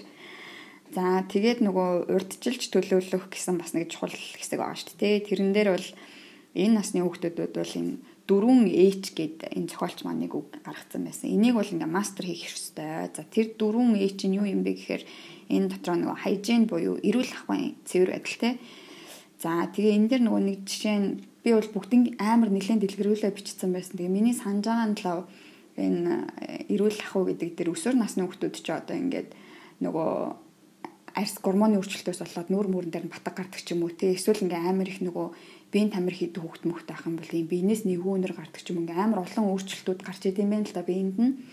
Тэгэхээр эндээ ингээд өөрөө бас юм анзаарахтай те. Би миний нүүр хам яагаад байна? Үс гизэг маань аятайхан байна уу? Миний хувийн хариун цэвэр ямар байна гэдгээ бас хүүхдүүд маань энэ үедээ бас өөрөө заавал ээж аваараа хэлүүлэл хүүэж ямар муха навсаас юм бэ? гэлгүүлээд авахгүй. Өөрөө өөртөө юм арчаатай байх тийм чадварыг бас энэ насанд нь суулгаж өгөх хэрэгтэй гэж байсан. За дээрэс нөгөө эрүүл мэндийн талаар бол мэдээж хэрэг одоо зөв нойртой байх, эрүүл хоол хүнс идэхтэй энэ эрүүл мэнд гэсэн сэдв бол бас амар чухал. Тэгэл нөгөө шүд амаа угаах Тэгээ ер нь банк тэгин ингээд эрүүл мэнд эрүүл ах энэ хоёр бас өөр өөр сэдв байгаа даа. Гэхдээ ямар ч үсэн нөгөө ээжтэй орсон байгаа учраас ингээд тайлбарлаа явчихж байгаа шүү. За давхар homework гэдэг нь болохоор гэрийн даалгавар ихэвчлэн нөгөө ээж автаар гарал зуралдуулаад хийгээд идэг штэ. Тийм биш энэ насны хүмүүс бол энэ насн дээр аль болох бие дагаад хийцэн одоо нөгөө Тэгээд лээжүүд нь за яана манай хүүхэд тэр тоон дээр ямар дуу авсан авсан гээл араас нь ингээл нөгөө фоллоу хийгээл багштай нь яриад одоо энэ юун дээр ингээ алтчаад байгаа бол мул гэл ингээд авах уг нь ёсгүй юм байна л та. Хүүхэд бол өөрөө энэ насн дээр аль болох гэрийн даалгавраа хүнээр хилүүлэхгүй цагт нь юм нөгөө дедлайнда багтаагаад багштай өгчдөг, фидбек авчдаг. За би дараагийнхаа хичээл юугаа бэлтгэх мэлтүү гэд бүр хизээ язааны юм бие даасан болцсон байх чадвартай байна л та. Тэгэхээр энэ дээр бас нөгөө homework гэсэн хэсэг орж ирсэн байсан. За дахиад нэг үлдсэн ээж нь болохоор household буюу гэр гэр ах гэр орныхоо юмн дээр туслан тий одоо нөгөө юу гэдэг хог могоо тэдэн мэдээж хогийн савнд дүрцэн байх юм бол заавал хүлээгээл эсвэл нээж ажиллагээд авахгүйгээр өөрөө санаачлахтай аваад гэр хамнуудыг ингэжтэй хэрвээ ингээд угаах нөгөө сакстай хувц мөц дүрцэн байх юм бол тэрийг өнгөөнгөөр нь ялгаад ингээ угаачдаг байдаг ч юм уу. Санаачлалтай гэрийнхаа юмд ч гэсэн бас үүрэг оролцоотой бас оролцож явах хэрэгтэй ингэнэ Наа чи одоо миний мөрөөдөл шүү дээ. Болно, болно одоо. Хамаг юм хийцдэг бол ямар сайхан юм бэ те. Тийм, ер нь бол тэгэл баг багаар нь ингээл хийгээл явж байхад бол болох юм байна гэж бодоод байгаа шүү дээ би. Би бол одооноос л миний төслүүд эхэлж байгаа юм байна гэж бодоод бүр амар excited. Манай одоо хоёр багт багтахгүй ингээл багаас нь ингээл устдал яваад хахад айгүй гоцдаг болох байх гэж бодод. За тэгээд энэ нөгөө банк хүүхдээ энэ нөгөө дасгал хөдөлгөөнтэй байлгах энийг бол яг бүр амьдралын нэг хэмнэл болох хэрэгтэй гэсэн. Хүүхд ер нь ажидсан чинь би бол хүүхд юм чинь ингээд хөдөлгөөнтэй байгаа юм чинь гэж бодоод нэг амар тийм дасгал масгалыг нэг амар тусгаалж амьдралын нэг хэсэг болгох юм болоо гэж боддгүйсэн чи ер нь сүүлийн энэ нөгөө хөгжил мөгжилтэй номнуудыг ингээ хараад үзэхээр exercise бол яалтчгүй амьдралын нэг хэсэг байх ёстой учраас хүүхдээ хүүхэд гэлтгүү тэр нөгөө өдөр тутмынхын нэг хэсэг 30 минут 30 минут горуулах хэрэгтэй байна гэж бодоод байгаа. За тэгээд бидний нөгөө өмнө уншижсэн ном дээр гарч ирсэн шүү дээ нөгөө мөнгө санхүүгийн талаар ойлголтыг хүүхдтэй өгөх гэдэг. Энэ дээр бас дахиж давтагдаж гарч ирж байгаа тэр санаа. Багч гэсэн мөнгөний талаар одоо нөгөө money management гэдгийг бас ойлгуулаарай. За жишээ нь одоо энэ насны хүүхдүүд дээр яаж энийг хэрэглэх вэ гэхээр одоо нөгөө family holiday гэж байдаг те одоо гэр бүлээр нэг амралт одоо яадаг чи наадмын амралт байлаа гэж бодож жишээ. Тэгэх юм бол За хаашаа явах вэ? За тэрэлч рүү нэг ийшээ тийш амралтанд явъя. За эсвэл бүр нэг өөр ийш тийшээ хөвсгөл рүү ч явъя гэдэг юм уу. За тийм аялал байлаа гэх юм бол тэрийг нэг удаа хүүхдэр эзэбэ хэлгээд үзчих гинэ. Тэгээд хаашаа явах уу? За тэрэнд хэрэг хугацаа шаардлагадах уу? Юу юу авч явах уу? Тэрийг авахын тулд хэрэг мөнгө орох ч гэдэг юм уу? Ингээд ерөөхдөө нэг хөөрхөн үүрэг даалгавргууд өөр өөр нэг юм багахан хэмжээний project шиг ч юм уу эсвэл trip ч юм өдрийн trip ч гэж бодлоо шүү дээ. Эсвэл нэг өдөр хайкинг хийх байдаг ч юм уу те за одоо бүгдээрээ дөрүүлээ явлаа гэх юм бол ямар ямар снэк авч авах уу? Тэрэн дээр уух юм хин хин юу юу уух вүлээ тэр нь хитэн төгрөг байдаг үлээ ч гэдэг юм. Ингээд юм жижиг юм жижигдэхгүй юм байна. Тэгэхээр тэр жижиг жижиг хүүхэн төслүүдийг хүүхдээр нь бие даалгуулж хийлгүүлээд тэрэн дээр нь ингээд money management-ийн хүүхэн хавчуулж өгөөд нэг юм жоохон бие даасан байдлыг нь хөгжүүлж өгөөрэй гэжсэн. За тэгээд нөгөө нэг асуудлыг асуудал шийдвэрлэх чадварыг нь бас сайжруулах хэрэгтэй давхар. За тэрэн дээр юу вэ гэхээр аа нөгөө өөрөө өөрөө өөрсдөр нь саяны гаргасан нөгөө төлөвлөгөө гаргадаг тий а төлөвлөгөөнүүдийг нь өөрөө өөрсдөр нь гаргуулаарай. Тийм боломжийг нь нээж аваад нь гаргаж өгөөрэй. Тэгвэл ямар байдлаар та эцэг гэхийн хувьд оролцож болох вэ гэх юм бол зөв зөв асуултуудыг тавих юм байна л да. За жишээ нь чи энийгээ яаж хий гэж бодож जैन хэр хугацаанд гэж бодож जैन гэдэг юм уу яг зохистой зөв асуултуудыг нөгөнгууд хүүхдээ өөр өөрхөө толгоогоор бодоод юу яах юм гинэ тэр төлөвлөгөөнүүдээ гаргаад явах юм гинэ за аливаа асуудал гарч ирэнгүүт э, хүүхдийнхээ урдуур орж шийдэх гээд байхгүй эсвэл шууд эн чинь тэгцэн биш үү гэдэг ингээд шууд хариултыг нь хэлэх гээд байхгүй өөр өөр өөрөнд нь бодуулаад ягаад ингэсэн талаар нь жоохон цаг хугацаа бас өгөх хэрэгтэй юм байна. За энэ дээр нэг сонирхолтой юм байсан нөгөө календар тайм тейбл хэрэглүүл зураг гэдэг байгаа шүү дээ. Тэрэн дээрээ одоо бүр гой болж их юм бол ийм гэр бүлийн календар зохиочих хэрэгтэй юм байна л да. Тэгээд тэрэн дээрээ за одоо зуны амралтаа яаж яаж өнгөрөөх үү гэд гой хамтдаа ярьж агаад ингээ өөр өөртөөхөө хийх ёстой юмнуудыг гой хамтдаа зоогоо зоогоод явдаг ч юм уу. Бас нэг юм нөгөө дундын юм байх юм бол бас гоё юм арай наалтцтай байд юм болов уу гэж би бодсон. Хамтдаа хийгээд ярилцаад хийгээд явхаар бас арай юутай байд юм болов сонирхолтой байд юм болов. За давхар нөгөө хүүхд ч одоо ингээ их сургуульд орно шүү дээ. Тэгэхээр мэдээч хэрэг нөгөө за чи юу хэмээр байна? Ирээдүйдээ ямар хүн боломоор байна? Ямар сургууль, ямар мэрэгчлэр суралцмаар байна гэдэг ингээ ярилцаад тэгээ болж их юм бол нөгөө өөр өөрөөр нь юм хэлдэг. За чи одоо мөсийн одоо гадаад харилцааны сургуульд орё гэдэг жаахан бол за тэр нь одоо элсэлтийн шалгалт нь хийцээ байх нь тий за тэр аппликейшнд нь ямар ямар юмнууд хэрэгтэй байх нь ядчил цээж зураг ингээл ахуулахаас эхлүүлэл ингээл зөндөө олон юм байгаа ах бодоход тий тэгэхээр тэр нөгөө нэг бүх бэлтгэлүүдийг нь болж өгөх юм бол өөр өөр нь өөрийнх нь санаачлахаар бэлдүүлэх юм байна л да. Ээжүүд аауд урдуур норж гүгээд авахгүй. Тэгээд давхар нөгөө нэг эн чинь нөгөө бас Америк ном байсан болохтой зэрэг зуны ажил байх юм бол тэр зуных нь ажил мажлыг өөрөөр нь олуулад хөөрхөн юм юм ин ерөөсөө өөрөөр нь хийлгээ. Одоо утахгүй ингээ нөгөө гэрээсээ явах байгаа хүмүүс юм чинь тэр нөгөө гинт гинтийн өөрчлөлтөнд бэлэн байлгахын тулд ер нь л эртнээс алгуурх ингээл баг багаар юмнуудыг ингээд өөр өөр нь хийлгээд бие даалгавар сурах хэрэгтэй юм байна гэж ойлгосон. За тэгээд нөгөө бусдын оронд өөрийгөө тавьж бодож сургах чинь бас нэг аюул чухал чадвар байгаа даа шүү дээ. Тэрний тухайд гэх юм бол энэ бас нөгөө олон нийтийн үйл ажиллагаанд сайн оролцуулжээ гэсэн байсан. Юм бол хүүхэд дан ганцхан юмыг өөрөө л өнцгөр хараад байх биш. Бас бусад хүмүүс яаж юм хийж ямар нэг аливаа асуудлыг шийдвэрлэхэд ямар ямар гаргалгаанууд байж болох юм бэ ингээл олон хүмүүсийн дундаас олон янзын санаанууд гардаг штэ тий. Тиймэрхүү одоо нөгөө туршлагыг бол ялтчгүй юм олон нийтийн үйл ажиллагаанд оролцох бусад хүмүүстэй ингэж харьцаж олж авдаг чадвар юм байна л та. За давхар нөгөө хүүхдүүд энэ насны хүүхдүүд бас ийм юм их хийдэг гинэ. Манай найзууд өнөөдөр тийм тохиолдоо тэгээд ингээд гээд найзуудаа тохиолдсон асуудал ч юм уу эсвэл юм сонирхолтой хөгжилтэй түүх ч юм уу тиймэрхүү юмнууд айгүйх ярьдаг гинэ. Тэгээд тиймэрхүү одоо стори ярьж авах үед нь бол бас ээж мэж айгүй сайн чих тавьж сонсоод аа яагаад танаа найз чинь тийм одоо нэг асуудал тохиолдсон байх юм бол яагаад танаа найз яг тийм үед ийм тийм тийм үйлдэл гаргасан болоо чи юу гэж бодож байна эсвэл танаа надад ямар санагдсан учраас тэр тэгээд тийм реакц гаргасан гэж бодож юм гэдэг юм уу ингээд хүний оронд өөрийгөө тавьж бодож одоо нөгөө харах өнцгөө өөрөсгөхтэй өргөжүүлэх бусад хүний одоо альва асуудал амар олон өнцгөөс тайлбарлагдаж болдог шүү гэдгийг л ойлгуулах юм чадвар сургах чиглэлээр бидний оролцоо бас чухал юм байна гэж ойлгосон. За ерөөхдөө бол миний ярих энэ 7 дугаар сэдв ингээд өндөрлж байна. За тэгээд аа ийм дүгнэлт хэлбэртэй бүлэг байгаа. За мэдээж нөгөө дээр хэлсэн шиг эмх зэгстэй хөлт бол аянда бий болдгоо ах нэ тий. Бид нар бол тийм болгож өсөгдөг байх нэ гэдэг мессежийг аа өгсөн байгаа.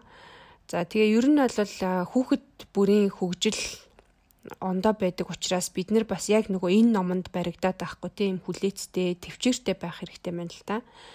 За тэгээд энэ одоо эмх зэгц буюу зохион байгуулалтыг удирддаг хэсэг маань нөгөө их тархины одоо духны хэсэг гэж явдаг юм байна л да. Монгол дээрээ. Тэгээ яг энэ хэсэг нь болохоор 26-аас 29 наснд одоо бүрэн гүйцэж хөгждгөө гэсэн байна. Тэгэхээр одоо бид нар шиг баруун зүүн тархич одоо логиктой ч юм уу нөгөөх нь аа нөгөө юу лээ бүтээлч байдлыг хөгждөг гэл нөгөө бүр багаас нь хөгжүүлж болдог штэ тий А гэтэл яг энэ тархины энэ духны энэ хэсэг маань болохоор бүр хожуу буюу 26-аас 29 наснд одоо бүрэн гүйцэж хөгждөг юм байна л да. Тэгэхээр бид нар ер нь бол хүүхдээ хэрвээ одоо юу гэдгийг яг энэ organized байх чадварыг те хөгжүүлж чадахгүй бол үүнээс хойш ч гэсэн одоо юм 26-аас 29 наснаас хойш ч гэсэн одоо энэ бас ингээд нөгөө нэг дутуу хөгжөөд явах бас боломжтой юм байна л да. Тэгээ тийм болохоор ер нь бол бид нэр маш сайн одоо энэ хүүхдүүдийнхаа гаргасан алдаа болгон дээр нь шүүмжлэхгүйгээр те зүгээр юм прогрессийг нь айгүй сайн нас насанд нь тохируулаад дэмжиж өгөх хэрэгтэй гэж зүйлсэн байна. За тэгээд нөгөө насныхаа юг энд ингээд нөгөө жижигэн жижигэн дүгнэлт хэлэхэд за нөгөө беби буюу 0-1 нас гэж байгаа тий. Энд дээр болохоор хооллох болон унтуулах дэглэмээ маш сайн мөрдөн эцэгчүүд. За тэгээд 8 сартаагаас эхлээд шалтгаан болон ийм үр дагаврыг ойлгуулсан хоёр алхамтай ийм тоглоомуудыг танилцуулж эхлэх хэрэгтэй юм байна л да. Одоо нэг коноп дараад тэрэнгүүд нэг юм ингээл гарч ирдэг ч юм уу те. Эсвэл ингээл ээж нь гарныхаа цаагаар нуугчээснаа гарч ирдэг ч юм одоо ингээд дандаа юм хоёр алхамтай тоглоомуудыг танилцуулж эхэлдэг үе юм байна л да. Тэгэхээр бид нар бол тархиных нь нөгөө хөгжлийн дэмжнэ гэсэн үг. За тэгээд нөгөө тоотлор буюу 1-с 3 нас гэж байгаа те. А энэ дээр болохоор хүүхэд алхаж одоо эхлэн ярина те тоглоно. За тэгэхээр энэ наснд нь болохоор нөгөө өдрийнхөө дэглэмүүдийг мөн л бас нөгөө тууштай дагна. За тэгээ энэ дээр болохоор эцэг эхчүүд хүүхдтэйгээ хам тоо тоолж эхлэн те дуулна, үлгэр ярина, уншина гэх мэт. За тэгээд мөн бас бүх юм өөрийн гэсэн одоо байртай эмх цэгцтэй байх хэрэгтэй учраас тэр орчныг нь эцэг их нь өөрөөсөө бүрдүүлж өгөх нь байна. За тэгээд мөн одоо паслаар те бөмбөгөөр ийм өрдөг тоглоомоор тоглуулна. За тэгээд бүх юмыг өмнөөс нь хийж өгөхгүй те аль болохоор хүүхдээ өөрөөр нь одоо хийлгэхийг дэмжинэ. За тэгээд дараа нөгөө сургуулийн өмнөх буюу 3-аас 5 нас гэж байгаа тий. За энэ насн дээр болохоор хүүхдтэйгээ ном уншин, үлгэр уншин, тэгээ хүүхдтэйгээ бас их ярилцдаг бас юм байх хэрэгтэй юм байна. За тэгээ та өөрийнхөө төлөвлөгөөг хуваалцаад тий, хуваараа хуваалцаад эхлэхээр хүүхд чинь бас нөгөө юмыг урчилж тий төлөвлөж бодоод сурах нь За тэгээд бас төсөөллийг нь хөгжүүлэх тоглоомоор тоглуулах хэрэгтэй. За тэгээ энэ үед болохоор хүүхдүүд маш их зөрүүдэлдэг те. Тийм учраас эцэг их нь өөрсдөө юм бас юм тууштай, тайван, юм сэтгэл хөдлөлөө бас юм барьж хүүхдтэйгээ харьцах хэрэгтэй юм байна. За тэгээ идэх, унтах, хувцлах, одоо бие засах, гэртээ ирэх, гарах гэсэн ийм дэглэмүүдийгээ бас одоо нөгөө хөгжүүлээд те зургаар ч юм уу те эсвэл эсэгчүүд нь байн хажуунаас нь хилж өгөөд энэ дэглэмүүдийг нь хөгжүүлэх хэрэгтэй. За тэгээ энэ үеэс болохоор хүүхэд бие дааж эхэлт юм байна. За тэгээ сургуулийн 5-аас 12 нас энэ бол хамгийн чухал буюу одоо энэ organized байх энэ үеийн маань хамгийн чухал насны юм байна л та. За энэ үед болохоор хүүхэд уншин те ойлгоно. А тэгээд дунд ангид ороод ирэхээр даалгавраа өөрөө хийдэг юм чадвартай болж эхэлдэг. За тэгээд энэ нөгөө дээр хийсэн дэглэмүүд за хүүхдийн нөгөө хийх ёстой дэглэмүүдээ бие дааж гүйцэтгэж эхэлт юм байна л энэ насанд. Гэхдээ ер нь бол энэ насанд бол төгс төгөлдөр хийх одоо хараа хараахан болоогүй те. Тэгэхээр алдаа гарна гэдгийг бол эцэг эхчүүд хүлээн зөвшөөрнө. А тэгээ гол нь нөгөө нэг алдаа гаргалаа гэд хүүхдээ өрдөөсө шийтгэж болохгүй. Энэ шийтгэх нь бол шийдэл биш юм байна л да зүгээр энэ алдааных нь одоо natural consequence гэж ярьдаг нөгөө нэг яг тийм органик үр дагавар нь юу юм бэ гэ тэ тэрийг нь хамгийн гол нь хүүхдтэй одоо ярилцаж ойлгуулах хэрэгтэй байна.